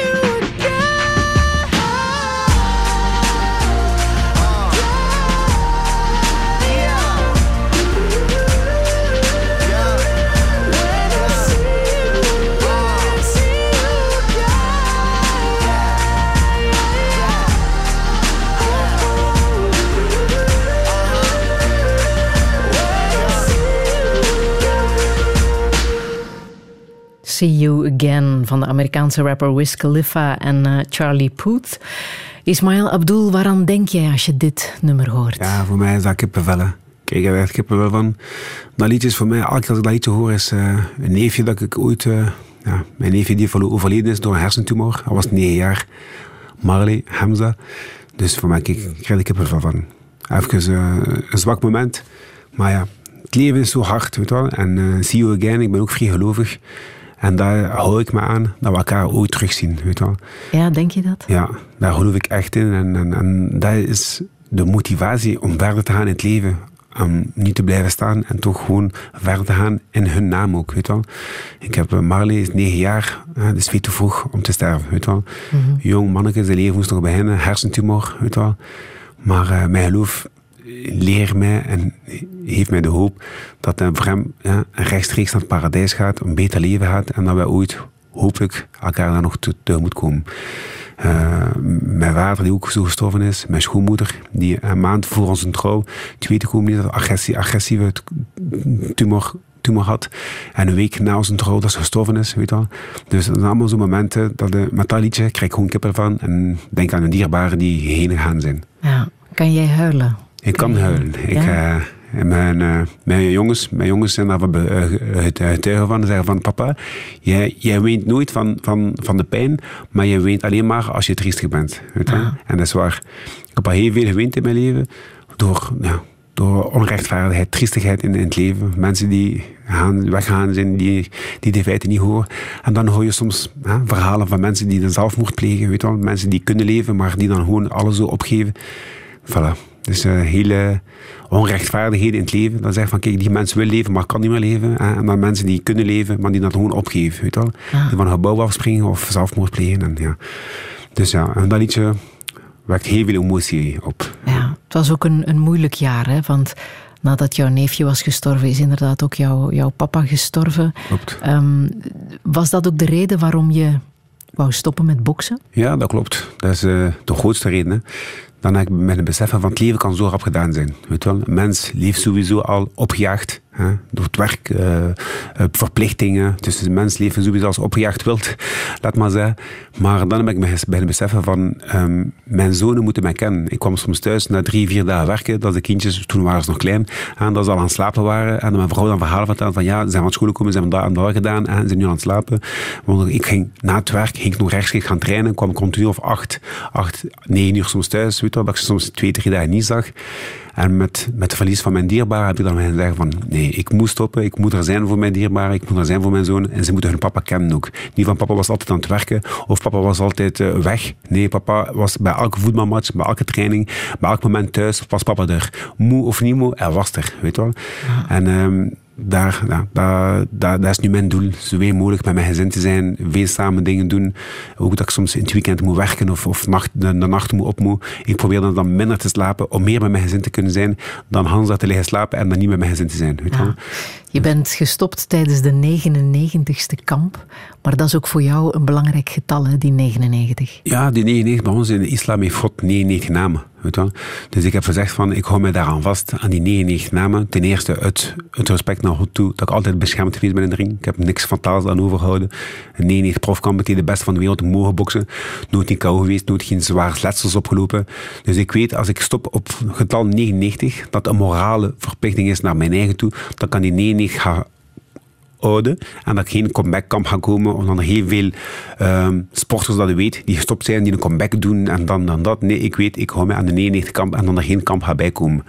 Uh, behalve de exhibitiekamp dat ik met Freddy de Karper gedaan heb voor zijn 70ste jaar. En dat wordt niet officieel meegelaten als een kamp. Dat was met veel plezier ook gedaan. Dat was een show, hè? Dat was een show, voilà. Maar toch een, een, ja. een, een, grote eer naar mij toe dat ik dat mocht doen, hè, naar hem toe. Maar ik weet dat ik aan mijn 99 profkampen, dat daar geen één kamp of een eenteller bij komt. Ah. Maar heeft God jou geholpen in jouw leven of heeft hij jou ook in de steek gelaten? God heeft mij heel veel geholpen in het leven. Ik heb heel veel situaties meegemaakt dat ik naar hem bidde en dat ik het antwoord kreeg. Weet je wel, ik ben gezegend in mijn leven, mag ik zeggen, ondanks al mijn stomiteit, allemaal wat ik meegedaan heb, meegemaakt heb. Of heb jij hem in de steek gelaten? Ik heb misschien God in de steek gelaten. Ik heb heel, en dat is ook de, de, het mooie daaraan aan mijn vrouw. Mijn vrouw heeft mij terug doen keren naar mijn geloof toe. Hoe, ook, hoe raar het ook is. Zij is katholiek opgevoed. Ik ben moslim. Maar wij zijn bewijs dat geloof, cultuur, uh, ras niet, uh, niet hoort in, in, in, gelukkig zijn, in een koppel zijn. En zij heeft me ook komen bezoeken in de gevangenis en zegt van hij is al bezig over islam en moslim en zie en dat, dat, dat. Maar hoe hypocriet zij niet, kijk maar wat hier zit en wat stikt allemaal uit, wat doet hij allemaal? En met haar speech in, in mij, met haar tranen in haar ogen, hoe dat zij mij op mijn plaats heeft, ben ik dichter naar mijn geloof gekomen, dankzij haar. Ben ik in 2003 in gevangenis terug beginnen bidden heb ik sinds, sinds 2003 geen enig gebed meer overgelaten. Omdat ik dichter naar mijn geloof toegekomen ben. Omdat ze me ook zeggen van, moslim hier, moslim daar, maar je bidt niet, je doet dat, je doet dat, je stikt dat uit, maar je doet niets. En van die moment ben ik beginnen bidden en ben ik tot vandaag bid ik vijf keer per dag en ik ben gestopt. Ben dichter, geloven naar mijn, dichter gekomen naar mijn geloof toe en ben dichter naar, naar haar toe gegroeid ook. Respect naar haar toe. Um, mee te helpen in het huishouden, meehelpen in de opvoeding van de kinderen, meehelpen een goede echtgenoot te zijn, een goede vader te zijn, een goede vriend te zijn, een mens die, lief, lief, die graag gezien is. En dat is ook dankzij mijn geloof. Maar het is mijn vrouw die mij gepusht heeft naar daartoe. Dat bidden, wat, wat gebeurt er dan bij jou in jouw hoofd? Waaraan denk je dan? Wat, wat doet dat met je? Je probeert daar niks aan te denken. Dat is, dus, dat is een connectiemoment tussen u en God. En hij probeert te verantwoorden. En hij probeert u hulp te vragen naar het dagelijks leven toe. En je smeekgebed, dat is na je gebed, doe je smeekgebed. En dan vraag je naar, naar, naar naar uw wensen. Naar uw wensen hè. Dan vraag ik ook altijd uh, om, om goed te zijn bij dierbaren, om de mensen voor de wereld te helpen. Dus dat is niet alleen maar een persoonlijke smeekgebed, dat is een smeekgebed naar iedereen toe. Weet je, iedereen rondom u en naar, naar, naar, het leven ook toe, naar de, onrecht, de onrechtvaardigheid naar het leven toe ook. Weet. En me helpen in mijn strijd om toch op het rechte pad te proberen blijven. Weet je. Want mensen worden altijd geconfronteerd met van alles en nog wat om te doen of uit te steken of over vrienden dat, dat, omdat ik de moed en de kracht kan blijven houden, omdat zo wil eindigen. Dat als ik ooit op mijn sterfbed lig hè, en mijn, vrienden en mijn familie kunnen zeggen van hij heeft heel veel stomiteit gedaan, maar hij eindigt als een goede man. Als ik dat kan bereiken, weet wel, dan kan ik afscheid nemen in schoonheid.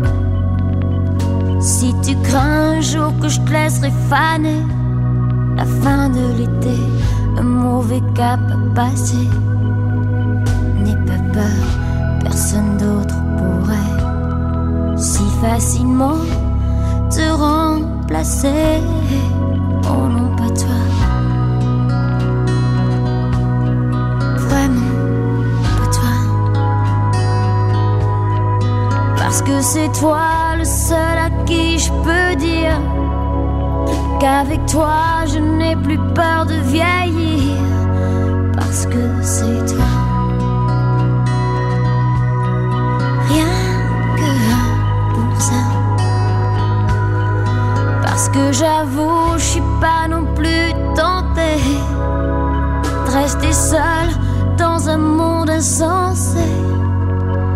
Si tu crois un jour tout est à refaire, qu'il faut changer, on était si bien à guerre.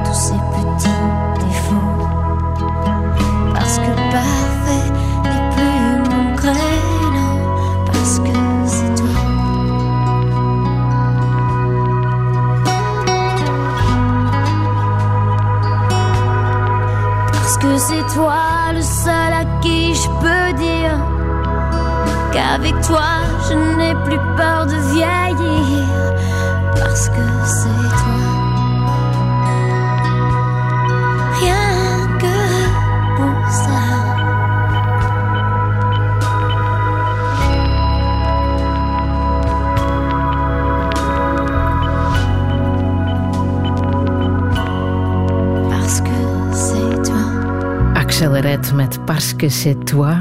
Ismail Abdul, er is maar één voor wie dit bedoeld is, hè? Dat is zeker weten, dat is voor mijn vrouw ook. ik krijg er weer kippenvel van. Ik heb weer kippenvel momenten gehad, maar dat is ook nog zo eentje. Parce que c'est toi. Ja, dat is mijn vrouw ook. Dankzij haar ben ik de man die ik vandaag ben. Eh, dankzij haar heb ik alles overleefd. Dankzij haar, weet wel. Que c'est toi. Dus ja, het woord, de tekst zegt alles, weet wel.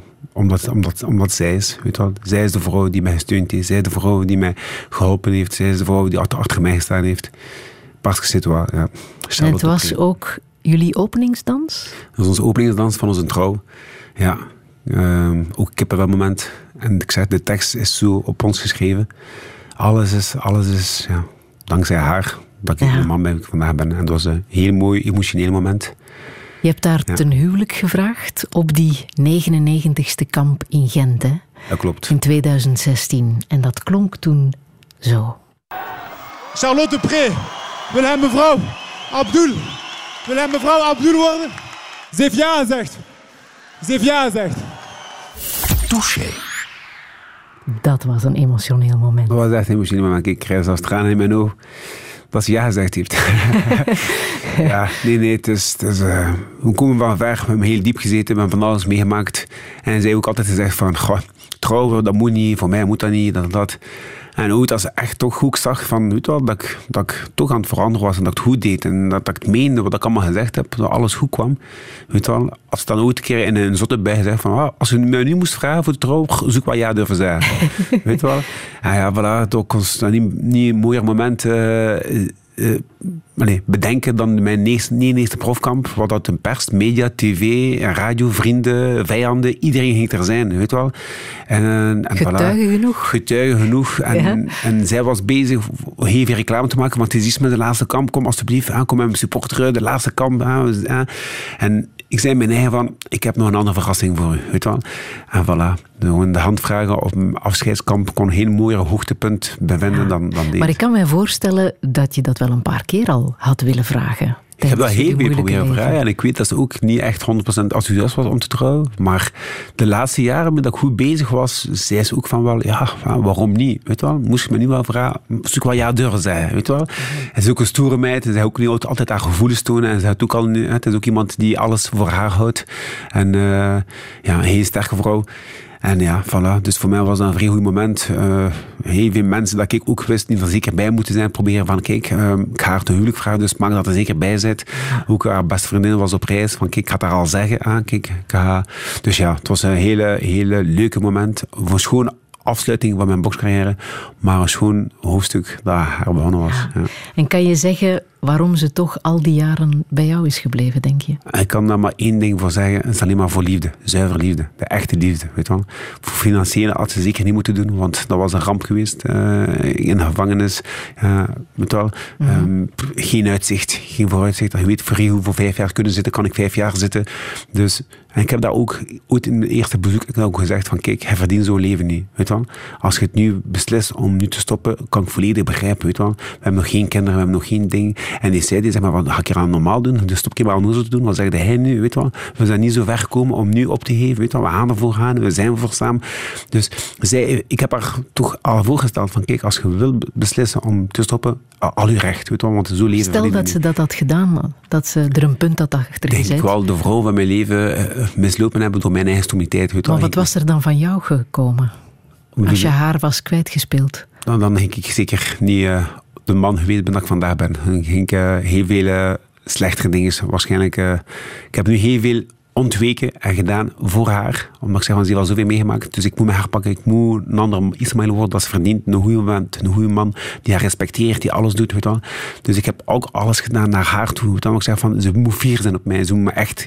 Ze zien mij graag, maar het moet terecht zijn dat ze van, ze echt fier op mij. Weet. Ik wil niet dat ze teleurgesteld is in mij. Weet. En al wat ze meegemaakt heeft, is vandaag bewezen dat de moeite waard was. Weet wel? We zijn gelukkig, we hebben twee gezonde kinderen, we hebben een dak boven ons hoofd, uh, we werken. Weet wel? Dus het is niet allemaal voor niets geweest. En we zijn vandaag zodanig close geworden, we zijn één, weet wel, en dat is het mooie eraan. Ja. Zijn jullie islamitisch getrouwd? We zijn islamitisch getrouwd, sinds 2005 zijn we dus islamitisch getrouwd. En, uh, we zijn dat maar wil zeggen? Islamitisch getrouwd dat we voor God en ons geloof man en vrouw zijn. Dat we niet in zonde leven. -hmm. Dus dat we niet... Um, ja, mensen als je niet getrouwd bent, leefden in zonde, zo gezegd. Weet wel? Ja.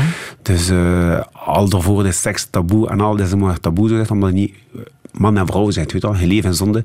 Maar sinds 2005 hebben we toch Allee, heb ik haar toch gevraagd om met mij islamitisch te trouwen. Ze zei oh, wat is dat? Dat ik daar gewoon niet veel in. Want zei, zij is katholiek. Zij is katholiek, ja, weet wel. Ja. Maar ik zei, voor mijn geloof is dat heel belangrijk, weet wel. Dan, dan echt te trouwen zelfs. Omdat voor mijn geloof dan is dat we man en vrouw zijn, dat we niet in zonde leven. Ja. Dan 2016 was voor de wet. Dat voor de was wet, dan de voilà. officiële vraag voor de wet. Ja, voilà. 2016 is de officiële vraag van uh, wettelijk en voor iedereen. De, de meisjesdroom met de witte jurk, weet je wel. Dus ik denk dat iedere vrouw daarvan droomt ooit. Maar voor mij was het heel belangrijk in 2005 dat ik wist dat ik met haar door het leven wou. Dat ik wist van, zij is de vrouw van mijn leven. Dat ik wist wat ze allemaal mij meegemaakt heeft. Dat ik door vuur en vlam ga voor haar, weet je wel. Ja. En dan heb ik haar gevraagd om islamitisch te trouwen. Zag zij jou graag boksen?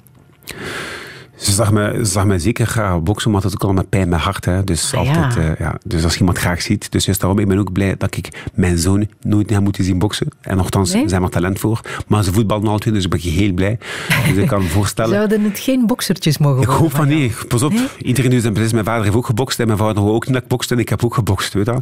Maar ik kan voorstellen, als je iemand graag ziet, en zeker een vrouw, een man graag ziet, en die klappen die krijgen, denk ik dat elke klap dat een man krijgt, dat de vrouw zelf voelt.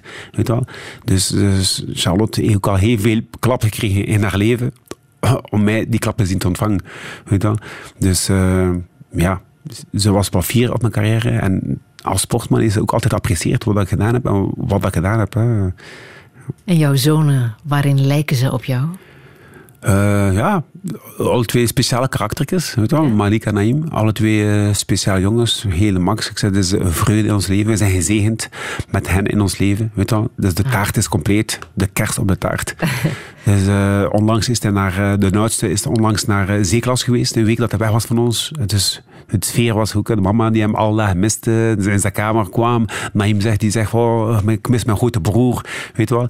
Dus ja, de stuk van de appel was weg. Maar kijk, we zijn nu weer compleet. En het is dan max. eh, ja, Wat, zijn- wil, wat wil je hen meegeven dat jij zelf hebt gemist? Ik wil hen heel veel liefde geven. Ik kom van een goed gezin. Een goed gezin, de, taart moest altijd gedeeld worden en we moesten altijd wikken en wegen.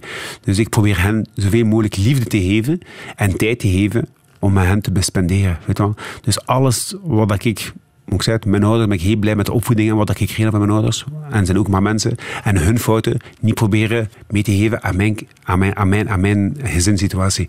Dus ben heel blij met de leerschool dat ik meegekregen heb van thuis uit. En nu wil ik het goed beter doen, omdat ik de kans heb en het geluk heb dat we nu in een rare generatie zijn en in situaties en in een tijdperk zijn dat we meer kunnen geven. Dus ik probeer zoveel mogelijk liefde te geven en al wat ik kan geven. Behalve Charlotte en jouw gezin, ehm, ben je ook jouw werkgever zeer dankbaar. Hè? Want Ja. toen je uit de gevangenis kwam, had je weten. eigenlijk bijna meteen terug een job. Hè? Zeker weten. Het was als voor, het was als voor dat ik in de gevangenis kwam, heb ik ooit, eh, Tony Engras is een vrij goede vriend van mij. Hè. En eh, zijn, een van zijn beste vrienden was Philippe de Meulenaar, dus mijn werkgever vandaag.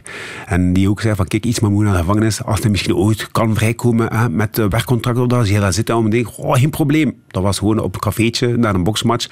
Maar na een paar pintjes, gewoon zo, ja, geen probleem, geen probleem, moet maar ballen, geen probleem. Twee jaar later, als ik dan vastgezeten heb, kwam ik van Ton, met Tony Ingres van kijk, luister, ik ga misschien eventueel vervroegd kunnen vrijkomen door goed gedrag in de gevangenis. Ah, kun ik je spreken met Philippe de Meulenaar, ah, als hij mij eventueel toch een kans kan geven om te werken. En Ingres heeft dat gevraagd en dat was direct geen probleem. Nochtans, heel veel mensen die zeiden van oei, oei, maar Ismail Abdul gaat dat dan niet doen. Zelfs zijn zoon en zijn vrouw, die zeiden van gaat het toch niet doen. Ah, Ismail Abdul, weet wel, dat kapul en zie en dat, weet wel, waar allemaal niet van hoort, weet wel, gaat dat toch geen kans geven. En ehm, tot vandaag nog altijd, mijn bazin die altijd zegt van meestal ben ik altijd rechtop, maar bij u ik recht naast gezeten. Weet wel. We zijn heel blij dat je mee zit in de firma, weet wel. En we zijn een soort familie geworden, weet wel. Maar Dus, ook eh, heel belangrijk dat je... heel belangrijk dat, dat die mensen achter mij vooruitzicht had hebben. En ook, ja, ook een baas. Maar het is een baas en het is een vriend en het is een werker die ook een voorbeeld is voor de maatschappij. Van, van niks kunnen iemand worden. Van niks te hebben, kunnen iets hebben. En vandaag is die zaak zodanig gegroeid dat ze bijna met 60 werknemers zijn. Maar dat is ook iemand die van nul kwam, weet wel. En die ook problemen met gerecht had heeft eh, in het verleden, weet wel. En die ook een kans gekregen heeft van zijn werkgever. En hij heeft het nu doorgegeven naar mij. En kijk wat ik vandaag sta. Vandaag ben ik ook ploegbaas en ben ook verantwoordelijk. En zijn, op die 12 jaar tijd dat ik werk ben, ben ik nog in één keer één dag thuisgebleven voor ziekteverlof. Weet wel. Dat is naar dankbaarheid toe. En dat ziet hij ook en apprecieert ze ook. Weet wel. Ik denk dat ik eh, wel een van de enigste werknemer ben die nog nooit in die 12 jaar thuis ziek geweest ben. Weet wel. Maar dat is ook naar de appreciatie toe, wat hij voor mij gedaan heeft, van de, de periode dat hij mij gered heeft. Ik mag het zo noemen, want hij heeft mij gered. Heeft hij mij een job aangeboden dat niemand mij anders misschien een job zou gingen aanbieden hem, met mijn verleden en met mijn reputatie. En hij heeft dat wel gedaan, ondanks de geruchten van doe dat niet, doe dat niet, doe dat niet. Hij heeft dat wel gedaan. Maar vandaag is hij daarvoor dankbaar voor en ben ik hem ook daarvoor dankbaar voor. Nu werk je met glas, hè? We doen alles van montage in de bouw. Dus we doen glas, we doen constructie, we doen heel alles van alles. Mijn baas neemt alles aan, want hij kan alles. En ook af en toe in de gevangenissen. Ik ben vandaag bezig in de gevangenis van Dendermonde, al acht maanden. Een nieuwe gevangenis van Dendermonde ben ik bezig. En eh, ook als, als, als ploegbaas, met een man van tien onder mij. En we zijn daar heel veel eh, ja, deuren aan het plaatsen, gebouwen aan het plaatsen, montage aan het plaatsen. Dus Toch ironisch, ironisch genoeg, hè, in als de gevangenis gezeten hebben. ja. En nu zelf gevangenis bouwen, weet je wel. Ja. Dus uh, ik ben de gevangenisteam.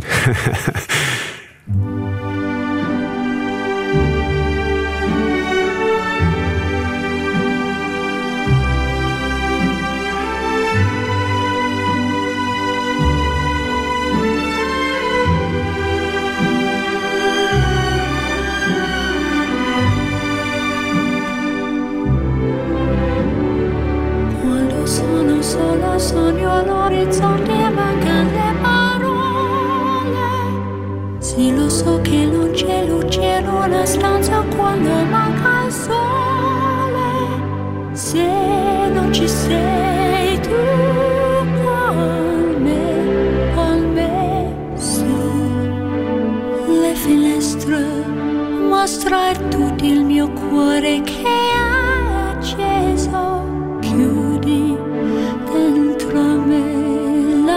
luce che ha incontrato per strada.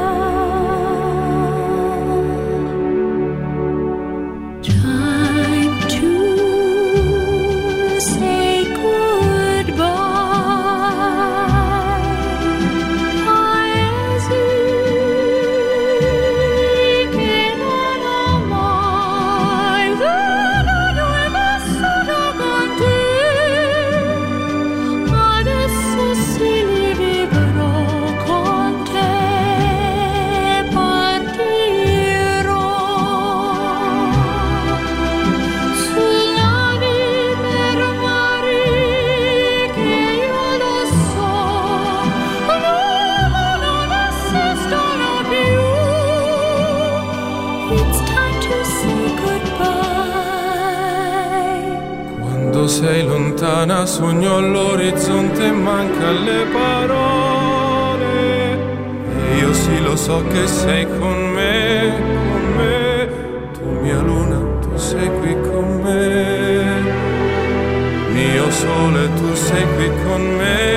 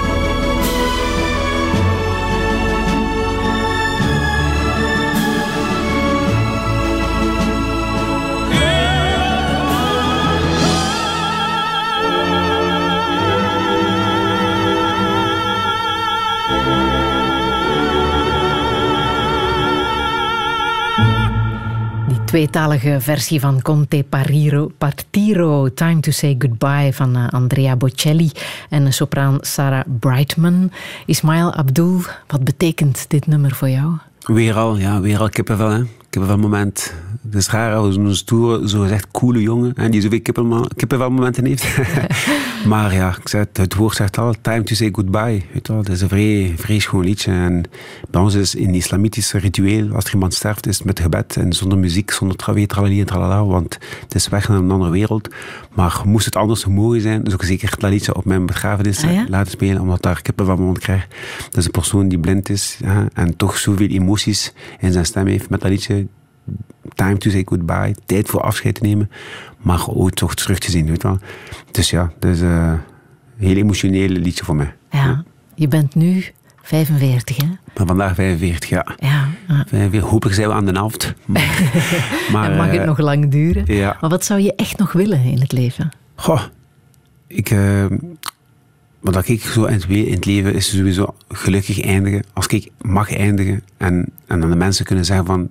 Het is een persoon die heel veel domme dingen in zijn leven gedaan heeft, maar hij heeft zijn best gedaan om hem te herpakken en om boodschap te willen geven. Weet wel? Als dat, kan, dat die boodschap kan geven, het einde van mijn leven, dan ben ik, voor mij, is, is mijn leven geslaagd. Weet je wel. Met, met, met, mijn dierbare, met mijn dierbare oud mogen worden, met mijn zoons, met mijn vrouw. En door kunnen kijken als we oud zijn en we zeggen van, we did it. Weet je wel. We hebben het overleefd. We hebben heel veel obstakels meegemaakt. We hebben heel veel stormen meegemaakt. Weet je wel. Maar dat we op onze oude dagen naar elkaar kunnen kijken.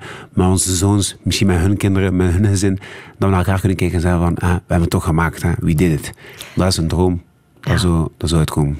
Je hebt veel klappen gekregen, maar ook letterlijk natuurlijk tegen jouw hoofd. Is dat iets wat jou zorgen maakt? Want hersenschade bij gewezen boksers, daar is al veel over gezegd en geschreven. Hè? Ik ben een vreemd vergeetkop. dus even nu met dat boksen ja. te maken, ik steek het toch daarop. Ik moet echt alles opschrijven en soms vergeet ik zelfs te kijken wat ik opgeschreven heb. Dus voor mij dat gebied is echt een ramp. Ook als ploegbaas. Ik moet echt alles opschrijven, alles uh, noteren, alarm instellen van dat vergeet niet, dat niet, dat, dat vergeet niet doen, dat niet vergeten doen. Weet je dus op dat gebied is dat een ramp. Heb je schrik dat dat erger kan worden? Ze zeggen dat het schijnt, hè. dus, uh, hè. dus uh, schade. Met Ali. Maar met Ali is hij heeft een Parkinson-syndroom. Ze zeggen nog altijd dat dat niet van de box is, omdat mensen zijn die ook niet gebokst hebben, die ook dezelfde syndroom kunnen hebben.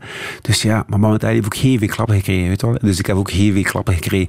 En ik zeg nog altijd, ik blijf erbij, een kop is niet gemaakt voor op te slaan. Dus hoe minder slagen dat ik krijg, hoe beter. Maar uh, helaas, het is wat het is. En we zien wat de toekomst brengt. Maar ik hoop dat ik er gezond en wel kan blijven. Ja, en jouw strafblad, is dat ondertussen terug blanco? Nee, zeker niet. En voor mij, dat hoeft ook niet. Weet wel, ik, nee? heb daar, ik heb mijn werk. Ik heb mijn werk. De mensen kennen mij. Uh, ze kennen mijn verhaal nu ondertussen ook al, via een boek, via de film die gaat komen. Ze weten wat voor persoon dat ik geweest ben. En mijn verleden is vergraven. Dus ik lig daar niet wakker van. Er zijn altijd mensen die niet altijd gaan bestempelen en zo, maar daar lig ik niet wakker van. You hate me or you love me, weet wel. Vandaag wil ik de boodschap geven, weet wel, van ik heb heel veel domme stommiteiten dingen gedaan, maar ik heb ervoor geboet. Ik heb ervoor betaald. En ik ga naar een betere toekomst. En als ik iets positiefs mee kan doen, met agressiviteit, met een negativiteit, naar positief kan brengen naar de toekomst toe, is voor mij, is mijn, dat is mijn doel. Dat is mijn uh, ja. overwinning op zijn eigen. Maar de film Cool Abdul, die nu uitkomt, die eindigt in 2007. Er is duidelijk nog heel veel gebeurd. Hè. Daarna blijkt nu uit ons gesprek hier in Touché. Zeker weten, de boek. Komt er, komt er een sequel, ja. komt er een vervolg? Wie weet, wie weet als het succes is, waarom niet? Like Rocky, Rocky 1, Rocky 2, Rocky 3. Voilà. Hè? Ik ben een Rocky fan. Dus wie weet als het succes is en waarom niet? Like, zoals je zegt, mijn boek is geschreven in 2007 vooraleer dat ik binnen moest voor mijn straf uit te zitten. Um, tussen 2007 en nu 2021 is er al heel veel gebeurd, ja. heel veel veranderd en ben ook een Hans een andere persoon geworden. Weet wel? Dus dat mag ook zeker geschreven worden en gelezen worden. Gelukkig nu de film die eruit komt, dat is ook ja. een eer naar mij toe. En nog een keer dikke respect en chapeau naar de organisatie, Jonas, Peter, Lise. Ik zeg, het is een levenswerk voor hen. Het is mijn leven, maar het is hen levenswerk. Het is een eerste langfilm van Jonas. Hij heeft heel korte films gemaakt, ja. maar het is een eerste langfilm. Maar hoe dat hij daarna gewerkt heeft, hoe dat hij daarna geleefd heeft, is echt een levenswerk voor hem. Weet wel? En voor mij is dat zo'n eer dat er iemand zo naar mijn leven gewerkt heeft. Weet wel? Ja. Dus ja. dikke chapeau. Welke boodschap wil je hier nog meegeven? De boodschap dat ik kan meegeven naar, naar vrienden, kennissen naar Hans België naar Hans de wereld, is wereldvrede. Weet wel, wereldvrede, um, respect naar iedereen toe, um, verdraagzaamheid. Weet wel. Ik ben vandaag ook vader. Ik, ik, vandaag, ik zou ook het beste willen voor mijn gezin, voor mijn kinderen. En heel veel kritiek en mensen die ook komen van mij, uh, mensen die van andere landen een bootje proberen naar België te komen, de zee en de oceaan over te zwemmen, met hun pasgeboren met hun kleine kinderen. Ik zou dat misschien ook doen.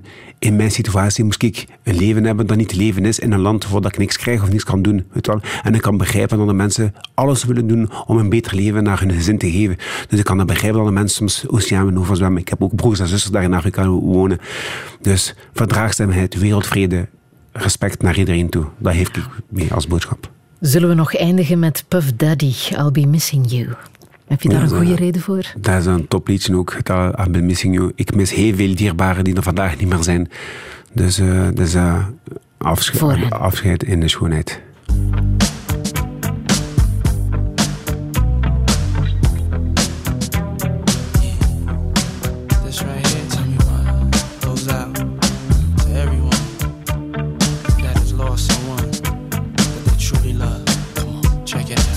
yesterday we used to rock the show. I laced the track, you locked the flow. So far from hanging on the block for dough. Notorious, they got to know that life ain't always what it seemed to be. Words can't express what you mean to me. Even though you're gone, we still a team. Through your family, I'll fulfill your dreams. In the future, can't wait to see if you open up the gates for me. Reminisce sometime. The night they took my friend. Try to black it out, but it plays again.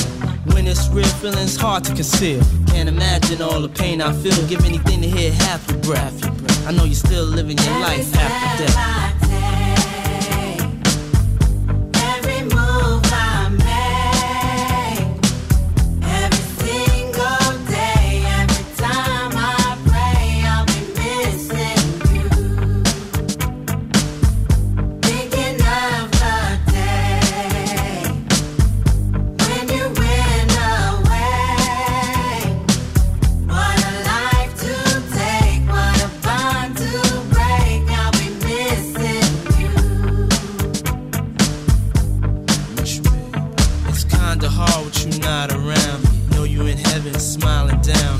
Watching us while we pray for you. Every day we pray for you. Till the day we meet again. In my heart is where I keep you, friend. Memories give me the strength I need to proceed. Strength I need to believe. My thoughts big, I just can't define. Wish I could turn back the hands of time. Us in the six, shop for new clothes and kicks. You and me taking flicks, making hits, stages they receive you on. Still can't believe you're gone. Give anything to hear half your breath. I know you're still living your life after death.